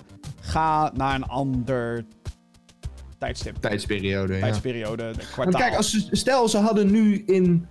Nou ja, niet in deze periode, maar even een paar weken eerder in februari gezeten. Dan hadden ze echt wel een aantal goede titels kunnen hebben om daar te laten showen. Onder andere Doom Eternal nog Ja. een keer. Ja, Oftewel, eh, Animal Crossing hadden ze daar kunnen laten zien. Eh, PlayStation met The Last of Us, wie weet, met Final Fantasy 7. nou, die waren daar ook van plan om eh, naar PAX East te gaan met een Last of Ja, Us demo. precies. Dus ja, nee, maar het is een, inderdaad. en ik vind gewoon dat ze Ik vind. nou- Ja, dit, dit, mm, ze moeten het gewoon kleinschaliger doen, jongens. Hou op met dat hele. Oh, we zijn de grootste in een gaming pretpark en bla bla bla. Nee, joh. Ja. Maak het wat kleiner dan gewoon. En zorg ervoor dat alleen die echte diehards komen. En, en als het echt heel tof is, doe dan gewoon je ticketprijs omhoog. Hoewel, die was wel best wel hoog afgelopen jaar, oei. Maar, weet je wel, ga, naar, ga niet meer de jaarbeurs in ook. Neem afscheid van de jaarbeurs. Fuck Ja. de jaarbeurs. Fucking groot, fucking duur. Ja joh, je kan op zoveel toffe plekken kan je een event organiseren. Zoals dit, maar dan kleiner. Ja. De- de- Doe desnoods een... Nou ja, goed, indie evenementen worden ook wel gehouden hier in Nederland. Zoals Indigo. Wat heel leuk is. Maar, ja... Het, het bl- het blijft natuurlijk lastig. Ik heb niet alle antwoorden hier. Ik heb het ook niet georganiseerd. Dus ik weet ook niet hoe het is om te organiseren. Godzijdank. Ja. Best wel... eh, Maar wat ook natuurlijk opvallend is, even het laatste dingetje over dit. eh, zij las het nu af, hè? Vanwege het coronavirus. Dat is het, het, de reden die zij geven. dat is de officiële verklaring, ja. Maar Dreamhack en Gameforce, die gaan gewoon nog steeds door. Ja, nee, dat is, eh, daar is het eh, business as usual. Althans, nog geen updates. Nu moet ik er wel bij zeggen dat ik Gameforce niet heel erg in de gaten hou. Qua communicatie. Nee. Ehm, en ik sta natuurlijk dichter bij First Look, dus dat kwam mij eerder ter oren. Ehm, en DreamHack was vorig jaar ook heel laat met eigenlijk dingen opzetten. Ehm, wat heel gek was. Maar ja, er komt als het goed is een nieuwe editie. Ehm, ja, Ja, we moeten het gaan afwachten, denk ik, hoe dat, eh, ja Dat- ik denk het ook. hoe dat verder gaat verlopen. Maar goed, tot dusver dus gecanceld, helaas. Oké, Hey. ehm, ja, dan wat anders. Ehm, Artifact, wat zegt jou dat nog? Iets? Helemaal niks. Nou, heb ik een leuk verhaal voor je. Eh, Gabe Newell. Eh, je weet wel, die baas van Valve. Mhm. Het bedrijf achter Steam en eh, een paar kleine games, zoals Half-Life of zo. Heeft tegenover Magazine Edge gezegd dat ze bezig zijn om de gefaalde kaartgame Artifact nieuw leven in te blazen. Artifact verscheen eind 2018 als de eerste game van het bedrijf sinds jaren. Het is te vergelijken met andere digitale kaartgames zoals Hearthstone of nou, die Magic the Ga- digitale versie van Magic the Gathering. Ehm, maar dan eh, met meerdere speelvelden die de drie lanes van de MOBA moeten voorstellen. Het is gebaseerd op Dota 2. De playerbase van de game was met 95% gedaald, slechts een paar maanden na release. De balans van de game bleek er niet te zijn, waardoor spelers het al snel zat waren. Ook was er kritiek op het feit dat er betaald moest worden voor de game, terwijl je ook nog kaarten apart moest halen. In tegenstelling tot bijvoorbeeld een Hearthstone die free-to-play is. Valve lijkt de game dus nog niet dood te hebben verklaard. Intern wordt het project Artifact 2.0 genoemd. Wat ze willen gaan veranderen, dan wel verbeteren, is nog niet bekend. Een andere game, een nieuwe, van Valve, eh, Half-Life Alyx, is waarschijnlijk beschikbaar op het moment dat je dit luistert. Want die verschijnt 23 maart. Voor VR only. Ja, eh. boeien. ja. Ja, eh, weet je, er zijn zoveel betere digitale card games. Eh, waarom zou je caren? Weet je wel, om een 2.0. Ik noem een Hearthstone, die jij net ook al noemde. Ik noem een Legend of Runeterra, wat eraan zit oh ja, tuurlijk. Ja, van, die, eh, die, die Legend of Runeterra is, is nu... Van, van Riot Games, de makers van League of Legends. Ik Eh, vraag me af hoe dat loopt, oprecht. dat loopt heel goed. Ja? Dat loopt heel goed. Ja, die game is fantastisch. Oké. Ja, qua playerbase bedoel ik dan, hè? Een beetje loopt. Ja, oh, dat weet ik verder niet. Maar Hm. de, de geluiden die er zijn, zijn positief. Ja. Overigens krijgen ze ook dikke concurrentie, want Hearthstone heeft ook allerlei plannen aangekondigd. Ehm, Ja, Hearthstone was natuurlijk een hele, hele tijd een beetje de enige in dat eh, genre. nou, dat was het voorbeeld. Dat was een beetje ja. eh, in die zin classic Blizzard. Van, hé, hey, wij maken iets en nu gaat iedereen het naproberen te doen. Ehm, Ja. Overwatch, anyone. Maar eh Hearthstone krijgt voor het eerst sinds zijn eh, zevenjarig bestaan een nieuwe klasse toegevoegd. Oh, Ja, de Demon Zo. Hunter, een nieuwe klasse. En ze gaan veranderen hoe, hoe kaarten, hoe het uitpakken van kaarten werkt. Zo kan je geen duplicates meer krijgen. Twee duimen Oké. omhoog, want ik had er een grafhekel aan als ik fucking weet ik hoeveel kaartjes, pakjes kaarten had. En dan duplicate, duplicate, duplicate. Yay, je krijgt nu 5 dust. En met 2500 dust kan je een legendary craften. Yay! Fuck off. Get the fuck out. Maar ik kan nu dus geen duplicates meer krijgen. Kennelijk, althans dat is wat ik ervan begreep. Dus eh, spannende tijden Nou. zijn er, eh, zitten eraan te komen voor kaartspelletjes, dames en heren. Maar eh, ander nieuws dan. Een speler van Dreams heeft een bericht gehad van Nintendo... dat zijn Oh. creaties offline moeten worden gehaald.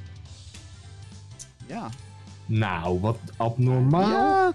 Eh, Dreams is de nieuwe game van Little Big Planet makers Media Molecule en verscheen afgelopen maand voor de PlayStation 4. In deze game kan je zelf games, levels, objecten en omgevingen maken. Sinds de beta, die ergens vorig jaar verscheen, zijn er vele creaties online gekomen waarmee andere games worden geïmiteerd. Hmm. Nintendo heeft nu verzocht creaties van Mario te verwijderen van de online service. In meerdere creaties zijn bijvoorbeeld de levels van Super Mario 64 of eh, andere met compleet met stemmetjes en geluiden en objecten nagemaakt. De ontwikkelaar van Dreams had al aangegeven dat ze willen kijken naar mogelijkheden zodat spelers hun eigen creaties kunnen gaan verkopen, commercieel. En waarschijnlijk heeft de copyright afdeling van Nintendo, eh, die heeft vervolgens gezegd, wacht even. Als dat gaat Daar gebeuren... steken wij een stokje voor. Ja, we willen niet dat er straks ineens een game gebaseerd op Mario in de verkoop gaat. En sowieso Ja. is het natuurlijk ook, eh, ja... Heel veel mensen zeggen, oh Nintendo, fuck you, partypoepers. Maar ja, sorry, ik vind het logisch of zo. Ik, ja, ik ook. Ik ben het hier volledig mee eens. Want dit is hun IP. Ja, Eh, weet je, leuk dat je zo'n eh, zo'n level kan maken. En eh, weet je, als dat, als, ik denk als het bericht van: oké, spelers kunnen dit gaan verkopen er niet had bijgestaan. Dan had Nintendo dit gewoon zoiets van: kan ons het schelen, weet je wel? Kan ons. eh, nou ja, kijk, het is een beetje... eh, het, is, het is heel erg grijs natuurlijk. Want aan de ene kant zou je zeggen... Hé, hey, eh, fuck jou, hoe durf je? Want er zijn ook weet ik hoeveel mods natuurlijk geweest in het verleden voor PC-games of alles wat daarbuiten zit. wat mensen heel tof vonden. ja, Ehm, en als je dat gaat weghalen, ja, dan is, dat, ja, is het gewoon ook wel een beetje kut natuurlijk. Alleen, het verschil is natuurlijk, en dit is waarom ik Nintendo's beslissing hierin heel erg goed begrijp, is dat Dreams wordt verkocht onder de noemer maak wat je wilt. ja, Maar ja, het wordt dus in die zin ook gemarket als hé, hey, je kan Mario namaken. ja. En nou ja, zeker als inderdaad straks de dreiging er is dat er eh, iets verdiend wordt door mensen die helemaal geen rechten hebben op, op wat er gemaakt is. Nou, lijkt het me heel sterk dat er straks ineens een Mario-kloon op de PlayStation Store staat. Ik weet zeker dat daar wel echt. eh, ja. Daar, daar wordt wel echt een stukje voor gestoken, sowieso. ja, het is gewoon heel simpel. Er worden ook natuurlijk, wat ik al zei, er worden geluidjes en muziek wordt er gebruikt die niet op de PlayStation 4 hoort. Heel Ja. simpel gezegd. Ehm, dus ja, ik, ik, ik snap het wel. Het is Ja, niet leuk, ik snap het ook heel maar goed. ja. En, en weet je, aan de ene kant is het misschien ook wel goed voor Dreams. Want het enige wat ik voorbij zie komen van fucking Dreams... is kijk eens hoe vet het is dat ze dit hebben nagemaakt in Dreams. Ja. Maar dan denk ik ook, ja, dat is tof dat je dat hebt kunnen doen. Hè, dat is tof voor jou. Maar eh, als ik Super Mario 64 wil spelen, dan wil ik Super Mario 64 spelen. En niet een namaak in Dreams. Ja. Maar dat is dan misschien weer mijn sceptische hoofd die zoiets heeft van... eh, Ja. Nou ja, het is natuurlijk wel vet dat je gewoon eh, alles kan maken wat je wil in principe. ja, ja, dat is heel Weet vet. wel? Ja. Ja ik, ik, ja, ik zie er wel wat in dat mensen dit heel tof vinden. Het is een beetje een soort Gary's mod, zeg maar, wat je vroeger op de PC had. Dat is nog steeds, overigens. Ja, ja, maar ja, daar, daar kan je het een beetje be- best mee vergelijken, denk dat ik. denk ik ook, ja, ja. Ja, het is niet dat Nintendo daar een stokje voor steekt per se. Nee, want daar kun je niet je eigen game verkopen. Nee. Nee, klopt. En dat Nee. is hier wel. Alhoewel, ja, nu worden... Nou ja, het is natuurlijk nu niet zo dat... Want er zijn weet ik hoeveel Mario-creaties op Dreams. Ehm, Mhm. Maar het is niet zo dat je die apart moet kopen. Die kan je gewoon spelen. Alleen ik denk Ja. dat het probleem is dat de game op basis juist van dat soort creaties worden verko- wordt verkocht. Ja, precies. Hmm. Ja. Blijft een beetje lastig. Blijft een beetje grijs en een beetje vaag. grijs.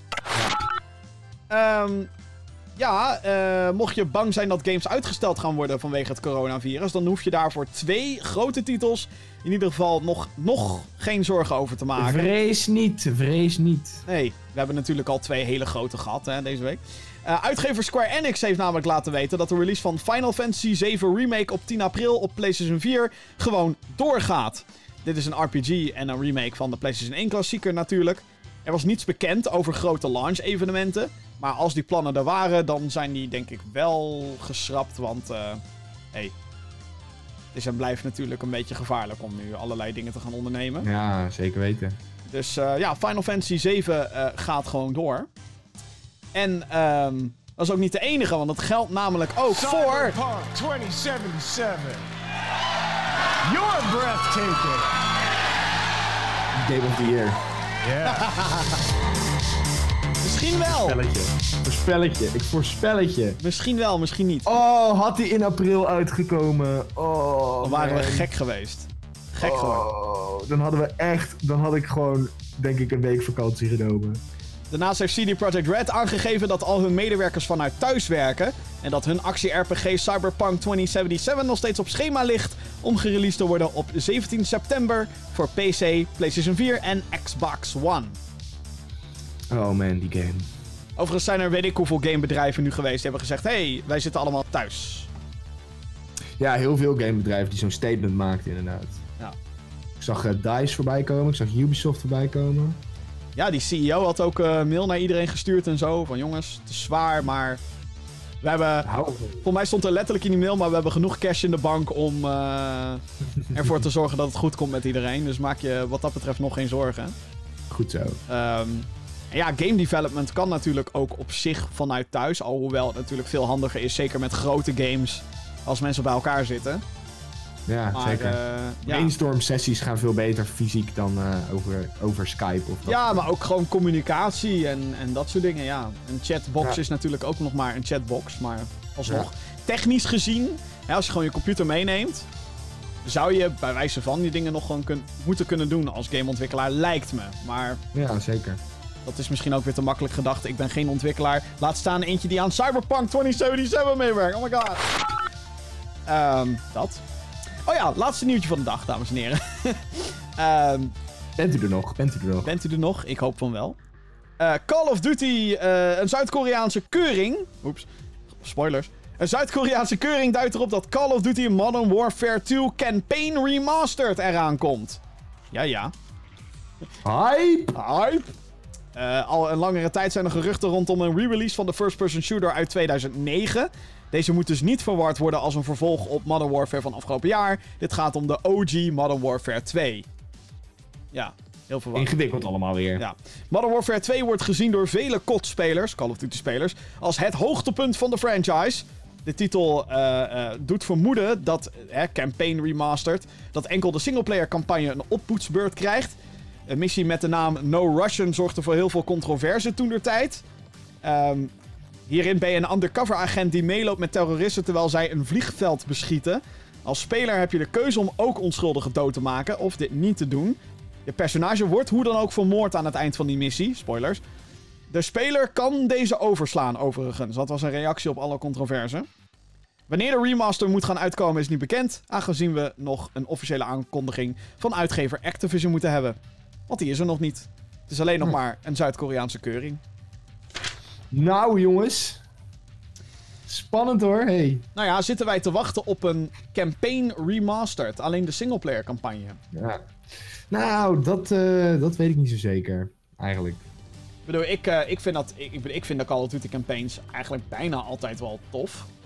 Met Mhm. uitzondering van Ghosts vond ik niet goed. Uh, ja, ik heb ze ook niet allemaal gespeeld hoor, moet ik zeggen. Maar ja, Black Ops 4 had een hele slechte singleplayer campaign. Oh. Want die was er namelijk niet. Dus fuck you.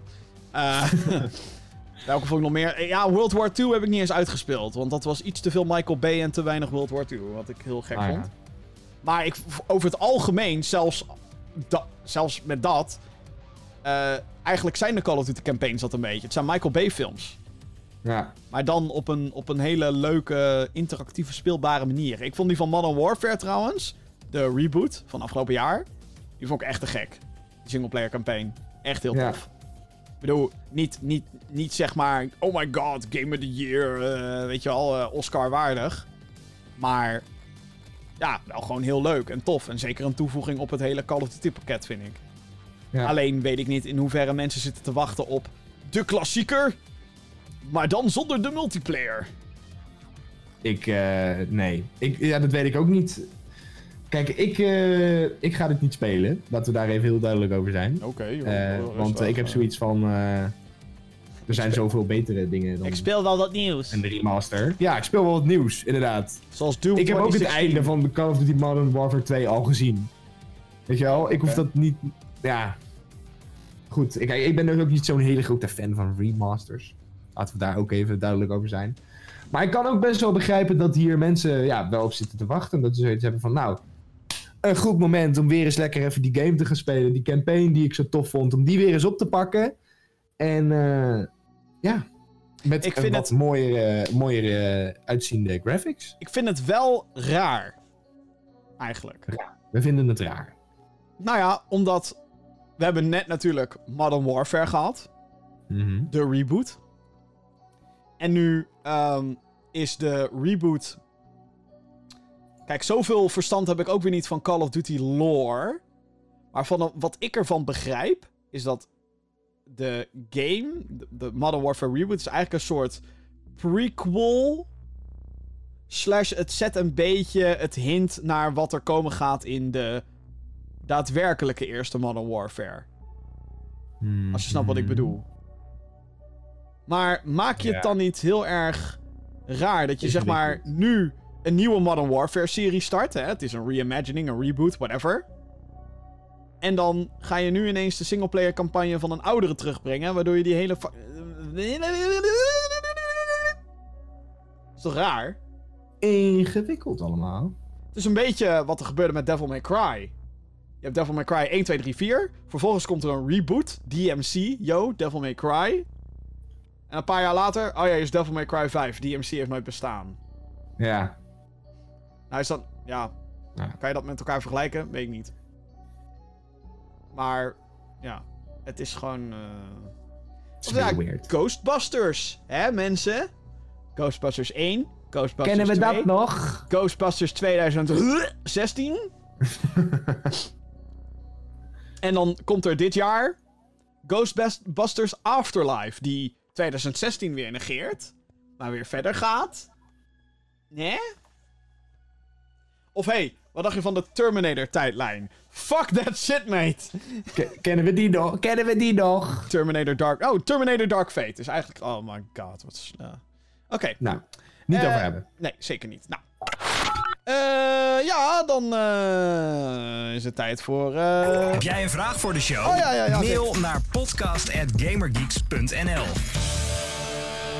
Dus eh, mailen, mailen, mailen, mensen. Podcast.gamergeeks.nl. Ik herhaal podcast.gamergeeks.nl. Wil het nog een keer herhalen? Ja, natuurlijk. Podcast.gamergeeks.nl. Dat is een mailadres trouwens. Oh ja, ja. Hey. Dat. Beste Gamergeeks. eh dit is een mailtje van Ole. In de jaren Ole. zijn er best wel veel gameseries in de vergetelheid geraakt of lange tijd niet gebruikt. Denk bijvoorbeeld aan eh, F-Zero. Ja, Nintendo. F-Zero! Looking at you, Nintendo. Mijn vraag is, welke vergeten gameseries zouden jullie het liefst een nieuw leven inblazen? Super Mario Galaxy. Ja, maar dat is geen vergeten gameserie. Nou ja, door Nintendo is hij wel een beetje vergeten. Mario is niet vergeten. Sterker Nee, dat is waar. Mario is spring... eh? Springlevend. Levend. Zeker water. Eh, nou. Welke vergeten gameserie? Dat je echt denkt... Dat zou ik even niet zo weten. Waarschijnlijk ben ik hem zelf ook al vergeten. Hey, Babu Free! Star Wars Nou, Jedi Star Wars Knight. zijn we niet vergeten hoor. Jedi Knight. Zo'n sub-sub-serie op Nou, ja. Rogue Squadron. Hey. Zo, maar echt. Star Wars Racer. Op, oprecht zou dat wel tof zijn als ik, zou dat zo, ik zou dat zo tof Als ze vinden. daar gewoon een nieuwe van maken. Oh my god. Kom maar door. Nou, this is pod Ja. Yeah. Ehm, als, ik, eh, als ik een suggestie mag doen. Jazz Jackrabbit, dames en heren. Oh ja, ja, tuurlijk. Let's go!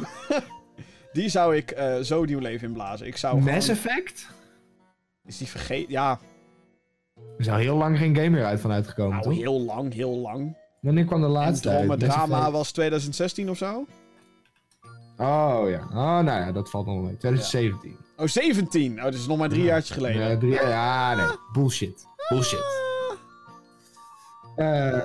Vergeten gameserie, jeetje. Ja. Ja. Ik vind het heel moeilijk. Oké, ik heb er nog eentje. Ehm, Abuse. Dit is geen game-serie eigenlijk. Dit is één game geweest. Een side-scrolling eh, science fiction shooter. En die game was zo tof. Dat was echt met die gekke monsters. En dan ging er zo'n kamer in. En dan gingen alle deuren uit. De lichten gingen uit. Dit, dit staat gebrand in mijn geheugen, dit. En opeens hoor je... En dan komen er eens 20 monsters. What the fuck, bro. Maar het was gewoon dat hele... Die basis was tegen die lasers. Was zo vet. Dus. eh, ja, is niet echt vergeten, want er is onlangs nog een remaster van uitgekomen. Maar Blood. Oké. Blood 3. Kom maar. Hm. Zou ik leuk vinden. Ehm, bro. Heart of Darkness. Ken je dat? Heart of Darkness. Nee. Maak een re... Holy shit. Maak een remaster van Heart of Darkness. Dat zou zo fucking... Wacht, ik ga nu even beeld opzoeken. Heart of Darkness was een... De gameplay was eigenlijk best wel shit, als ik erover nadenk. Maar... ik meen het. Maar... Het was zo vet. Het was een, een, een, een side-scrolling platform game. Heel erg trial and error. Heel erg, hey, je moet A, B en C doen. Exact zoals wij dat zeggen. Anders ga je dood. Maar er zaten heel veel cutscenes in. Die zeg maar à la Pixar. Als je er nu naar kijkt, dan denk je... Bro, what the fuck. Ja. Maar eh, als je ernaar kijkt... Wacht even, even kijken of ik ook de audio mee kan pakken hier. Oh my god, dit is zo fantastisch dit. Het was echt vet. Het had zo'n toffe sfeer dit. Maar het is dus heel filmachtig, heel cinematic. En het is eigenlijk heel... Ja, heel duister. Oh hier, nu ga je dood. Zo'n guy... Je speelt dus als een jochie. En die pleurde van de rand af. En elk, elke keer als je dood ging, had het ook een andere animatie. Ja, dit was heel vet dit. Oké. Dus. Eh, Hmm. Ja, die. maar ook, nogmaals, dit is geen serie. Dit is ook één game geweest. Ja. Hmm. Nou. Maar jij hebt er dus geen eentje. Je hebt, je hebt- Nee, ik, weet- ik weet het eigenlijk niet zo. Jezus, je hebt, je, hebt niet, je hebt niet van één franchise gezegd, nou, als ze dat nou eens terugbrengen. Oh! Guys, Excitruck. Breng Excitruck terug, Nintendo. You can do it. Je hebt zoveel halfgare... fra- Wario Land. Breng Wario Land eens terug, Nintendo. Wario Land, let's go. Ik kan wel janken. Deze man. Er zijn Ik, zo... eh, nee. Ik weet niet. Sorry. Niet, er- niet heel ambitieus, Jeppie. Eh hey geeks, ik heb een moeilijke vraag. Welk moment in een game... Dit is een mailtje van Ruben trouwens. Welk Ruben. moment in een game heeft een sterke indruk op jullie achtergelaten? Bijvoorbeeld een iconische voice line of een super toffe killstreak. Iets wat je nooit meer vergeet.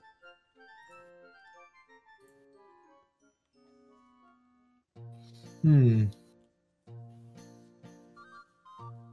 Iets wat ik nooit meer vergeet. Ik ben het nu alweer vergeten. Jezus! nee, ik denk... Ik denk... eh, het moment... In een van mijn favoriete games aller tijden, Firewatch... Ja, ja. dat je eh, voor het eerst eh, uit je truck stapt en dat bos inloopt.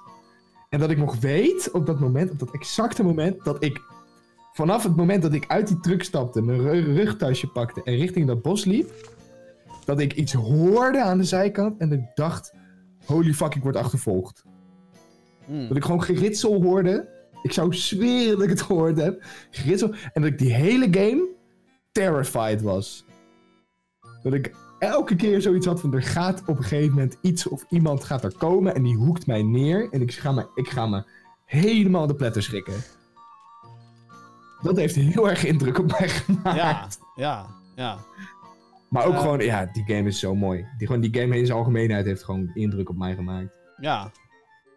Ik zit nu eh, ook even te denken. Ehm, Would You Kindly van Bioshock. Ja. Als je denkt, hè? Ja, Huh? als je het gespeeld hebt, weet je exact waar ik het over heb. Dat moment was eh, zo vet. Ik zat daar met... eh, de eerste keer dat ik Bioshock speelde was samen met Vincent. Dat was zeg maar zo'n periode dat we s'nachts achter zijn PlayStation 3 zaten we van alles en nog wat te spelen. En Bioshock was een van die games waar we echt dik in zaten. En dat moment kwam en wij waren echt... Fucking mind was blown gewoon. Het was zo vet. zo vet. Ehm, andere merkwaardige game momenten. Eh... Het opstarten van Doom Eternal. Eh, nou, de, de, de giraf-scène in, in eh, The Last of Us is ook toch wel...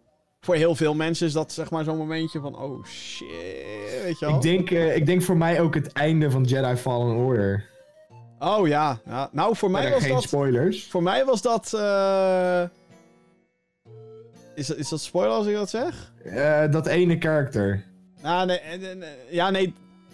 los van het einde, voor mij was in Jedi Fallen Order Execute Order 66. Was Ja, daar. dat. Dat vond ik zo vet gedaan. Toen dacht ik, oh shit. It's all like Donkey Kong, Ja. bitch. Nee, maar het, het, het- dat ene karakter dat aan het einde... eh, het- gewoon, ik weet nog mijn reactie. Dat ik gewoon echt aan... het- Dat ik het uitschreeuwde gewoon. Ja. Ik was mijn eentje ook. Het oh man, dat, dat zal ik echt nooit meer vergeten. De- Degenen die het gespeeld hebben weten precies wie ik bedoel. Maar, oh man, dat was de euforie en de tegelijkertijd... Heel. ja, vooral de euforie denk ik op dat moment. Ja.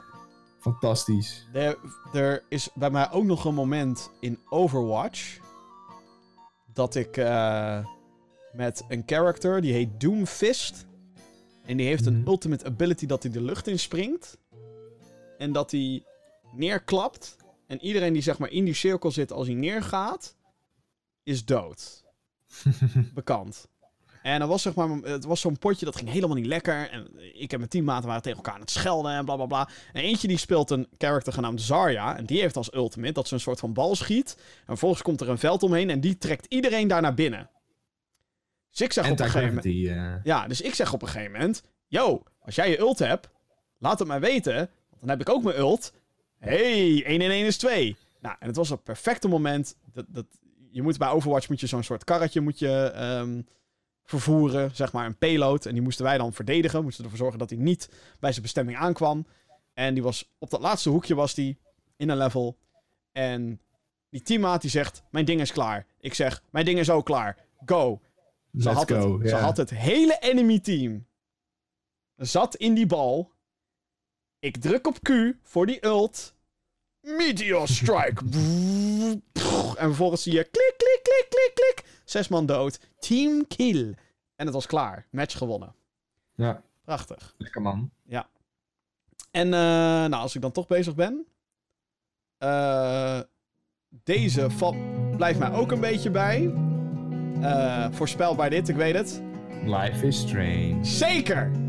Dit is een, een liedje uit het einde van de prequel Before the Storm. En Life is Strange 1 is fantastisch. Doe je de prequel erbij, dan wordt Life is Strange 1 eigenlijk nog heftiger. Ja. En ehm ja, terwijl dit liedje speelt, zie je beelden waardoor je denkt... Janken. Fuck. Janken. Fuck. En ik ga niet zeggen hoe of wat, maar fuck. dus dat. Eh, Life is Strange. Wederom Life is Strange. Als, als zeg maar, hè, Life is Strange er niet in zit, dan, eh, dan dat. Dus ja, dat is eh lullig. Oké, we hebben nog een paar mailtjes. Eh, Mike die heeft gemaild. Eh, hoi Jim. De SSD die in de PS5 zit kost ongeveer 150 euro voor 1 terabyte. De HDD die in de PlayStation 4 zit kost ongeveer 30 euro voor 1 terabyte. Dus als de PS5 2 CB zou gebruiken, zou de PS5 minimaal met 100 euro omhoog gaan. Ik denk dat het een marketingzet is voor een lagere prijs. Ja, moet dan natuurlijk wel even nagaan of dat dan effectief is of niet. Ja. Dat is een beetje het, eh, het gebeuren, vind ik. Ik vind het heel onpraktisch namelijk. Ik bedoel, ik snap het. de, de snelheid van een SSD is veel sneller of veel beter. En daardoor gaat de, pri- de prijs van een SSD is ook, ook voor een PC trouwens hoor. Als je een SSD-schrijver is HDD. Je kan zo 10, eu- 10 terabyte halen voor 100 euro bij wijze van. Ja. Maar wil je een SSD, ja, dan betaal je datzelfde voor 1 terabyte, bij wijze van. Is leuk. Maar ja, dan heb je het praktische. En je moet er even van uitgaan dat de meeste mensen die een console kopen, zijn niet de mensen die naar een podcast zoals deze luisteren. Dat zijn mensen die er nog minder verstand van hebben dan ik. Of Jeppie. Dus die, die, kunnen, die, die gaan helemaal zeggen van... Ja, maar Die wacht gaan heel even. erg teleurgesteld zijn. Ja, die gaan zeggen: wacht even, de PlayStation 4 heeft 1 terabyte. En nu hebben we een gloednieuwe, die is duurder, want zo gaan ze dat natuurlijk allemaal vergelijken. En die heeft minder schijfruimte. Wat? Dag. Hoe dan? Nee, het is gewoon. Die simpele logica is er. En ik vind het zelf. En ik weet het, SSD is duurder en sneller en bla bla bla bla. Allemaal leuk en aardig. Maar alsnog. Ja. 825 gigabyte. Kam de fuck aan. Best wel veel. Dat is. Nee, dat is fucking weinig. Ja, maar best wel veel geld bedoel ik. Ja, nee, is Maar het die- ook. SSD is nou eenmaal duurder. En als ze die stap Ja. willen wagen, snap ik het allemaal wel. Maar. Come on. come on. Meer dan, meer dan Dit- 1 terabyte. Come Dit on. kan je beter, Sony. Come on. Ik bedoel. Meh. En misschien is het ook gewoon. Ja, ik weet niet. Ik, ik, ik, ik weet niet wat voor conclusie ik hieruit moet trekken, maar. Het is geen goede in ieder geval. Hoe dan ook. Met die 825 gigabyte. Kijk, Xbox komt er ook niet goed mee weg, vind ik, met hun 1. Maar. 825 is nog minder dan de basismodellen die nu in de winkel liggen. En wat dat betreft, wa- wat ik al zeg, heel veel mensen gaan dat verschil niet zien. Nee. Ongeacht trouwens hoeveel marketing Sony daarop gaat gooien. Sneller uit de schijf, bla bla bla. Maakt niet uit. Dan denken mensen: oké, waarom kan ik er maar twee games op zetten? Plus Fortnite. Dus Ja, ja, ik denk dat heel veel mensen daar een beetje gefrustreerd gaan worden. denk ik ook. Van gaan worden. Eh, Tim die heeft gemaild. Hey Jim en Jasper, ik heb vandaag de demo gespeeld voor Resident Evil 3 en ik vind hem geweldig. Super eng en Nemesis laat me elke keer schrikken. Nu zijn mijn vragen, hebben jullie deze demo al gespeeld? Nee. En, voor wat, voor- Zeker niet. en wat verwachten jullie eh, van de game? Is het niet weer eens tijd voor een originele Resident Evil? Of mogen van jullie de remakes blijven komen? Groetjes van Tim. Couldn't care less. Fuck you. Ehm. nee, ik heb dit al eerder gezegd in deze show. Het is wel een tijdje terug, dus eh, geen idee wanneer ik het heb gezegd. Maar. ehm, de reden waarom Resident Evil 3 en 2 zo snel achter elkaar komen... is waarschijnlijk omdat ze gewoon op hetzelfde moment ontwikkeld zijn.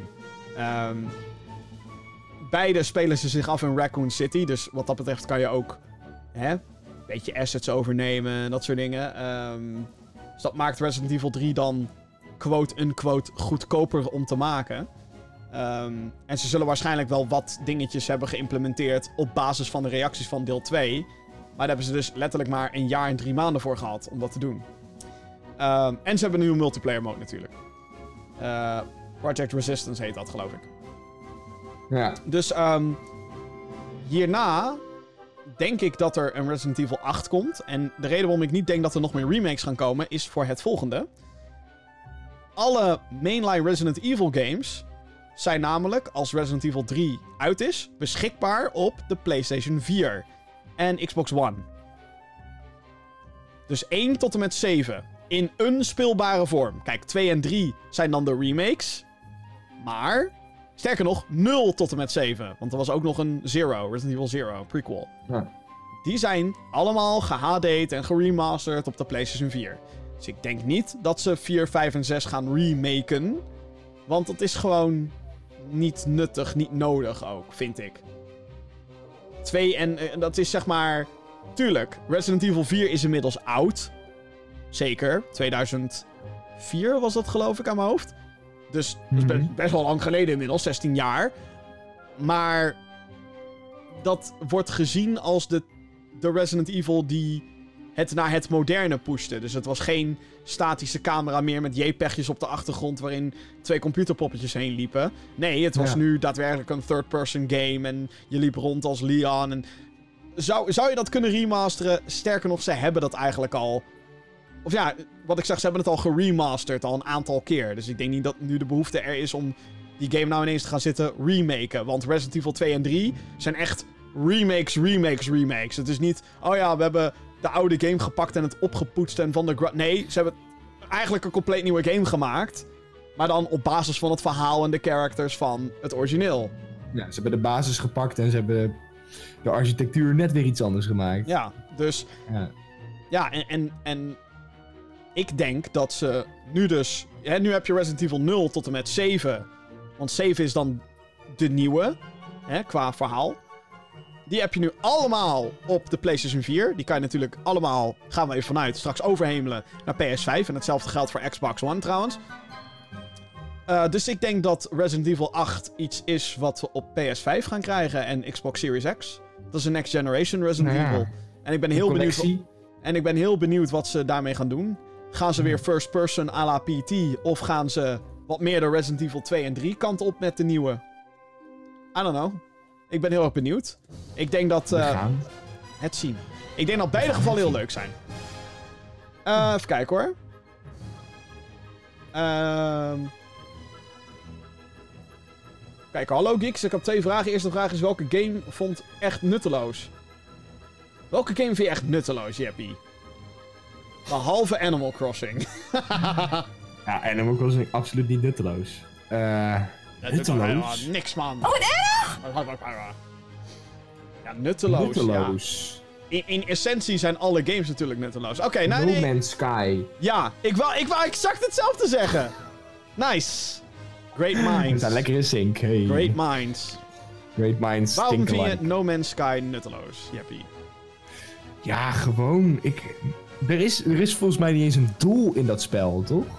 Nou, mijn Get to the center of the universe was het. Ik weet maar niet in Animal is. Crossing ook niet, Jeppie. Dus wat wil je nou? Nee, in Animal Crossing is het om een leuk, leuk stadje te bouwen. Ja, maar in No Man's Sky is het om het universum te verkennen. Kijk, weet je, weet je wat het is met No Man's Sky? Dit is waarom ik het met je eens ben. In No Man's Sky, de gameplay is als volgt. Je landt op een planeet.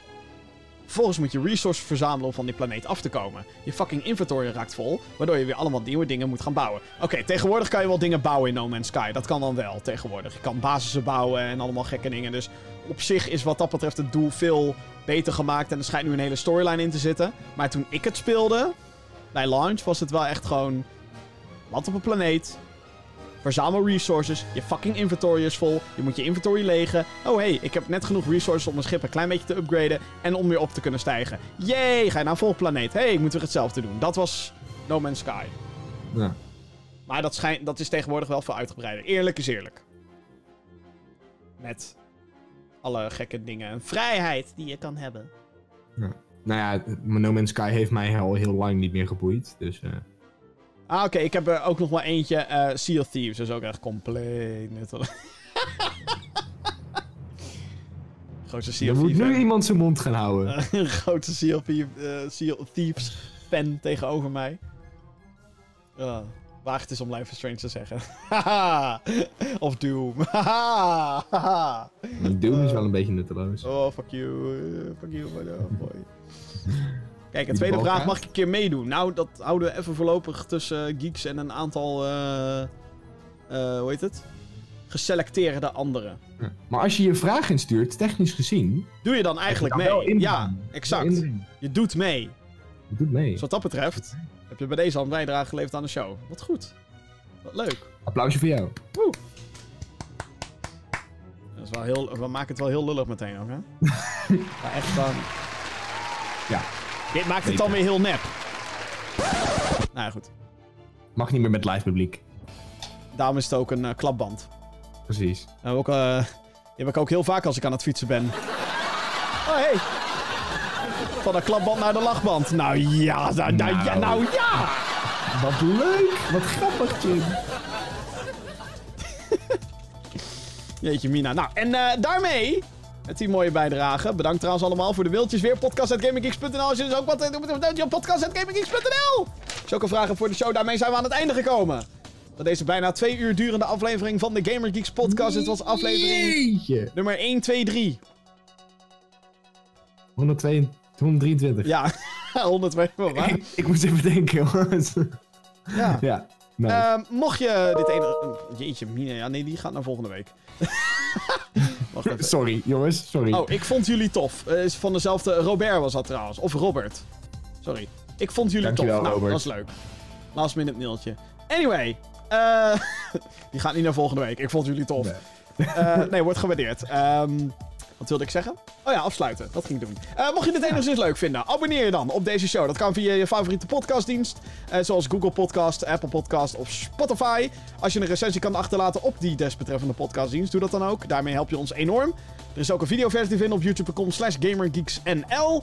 En we hebben ook een website, gamergeeks.nl, waarin je nog meer content van ons kan vinden. Zoals mijn unboxing van de Doom Eternal Collector's Edition. Ik was veel te blij. Met een hele grote doos met een helm erin en meer goodies. Woehoe. Eh, Jeppie die heeft een video gemaakt. Vijf tips om de corona-quarantaine door te komen. Nog steeds heel relevant, dames en heren. Sterker Zeker nog, weten. ik zit eraan te denken om daar een vervolg op te maken. Oh ja? Vijf, vijf nog meer tips. Om omdat, Nog we- vijf tips. omdat we inmiddels een week verder zijn. Ja, nou ja. Weet je, ik vind het helemaal geen slecht idee. Eh, en ik ben bezig met reviews. Ja, ik eh, roep dat ook al weken. Het is heel gevaarlijk om dat te roepen. Maar alsnog, ik ben bezig met reviews. Ehm, ja, Doom Eternal, hè. Eh, en Warcraft 3 Reforged, die wil ik nog steeds even kapot maken. Want eh de game verdient het. En eh, ik eh, ga ook iets met Animal Crossing. eh, hmm, misschien? Lekker. Lekker. Dus check daarvoor. GamingGeeks.nl en abonneer je op eh, het YouTube-kanaal die ik eerder al noemde. YouTube.com slash GamingGeeks.nl Goed, dit was eh, de 123e aflevering van de Gaming Geeks podcast. Bedankt allemaal voor het luisteren. En heel graag tot de volgende keer.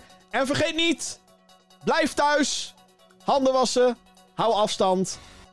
Be safe. Bye. Doei.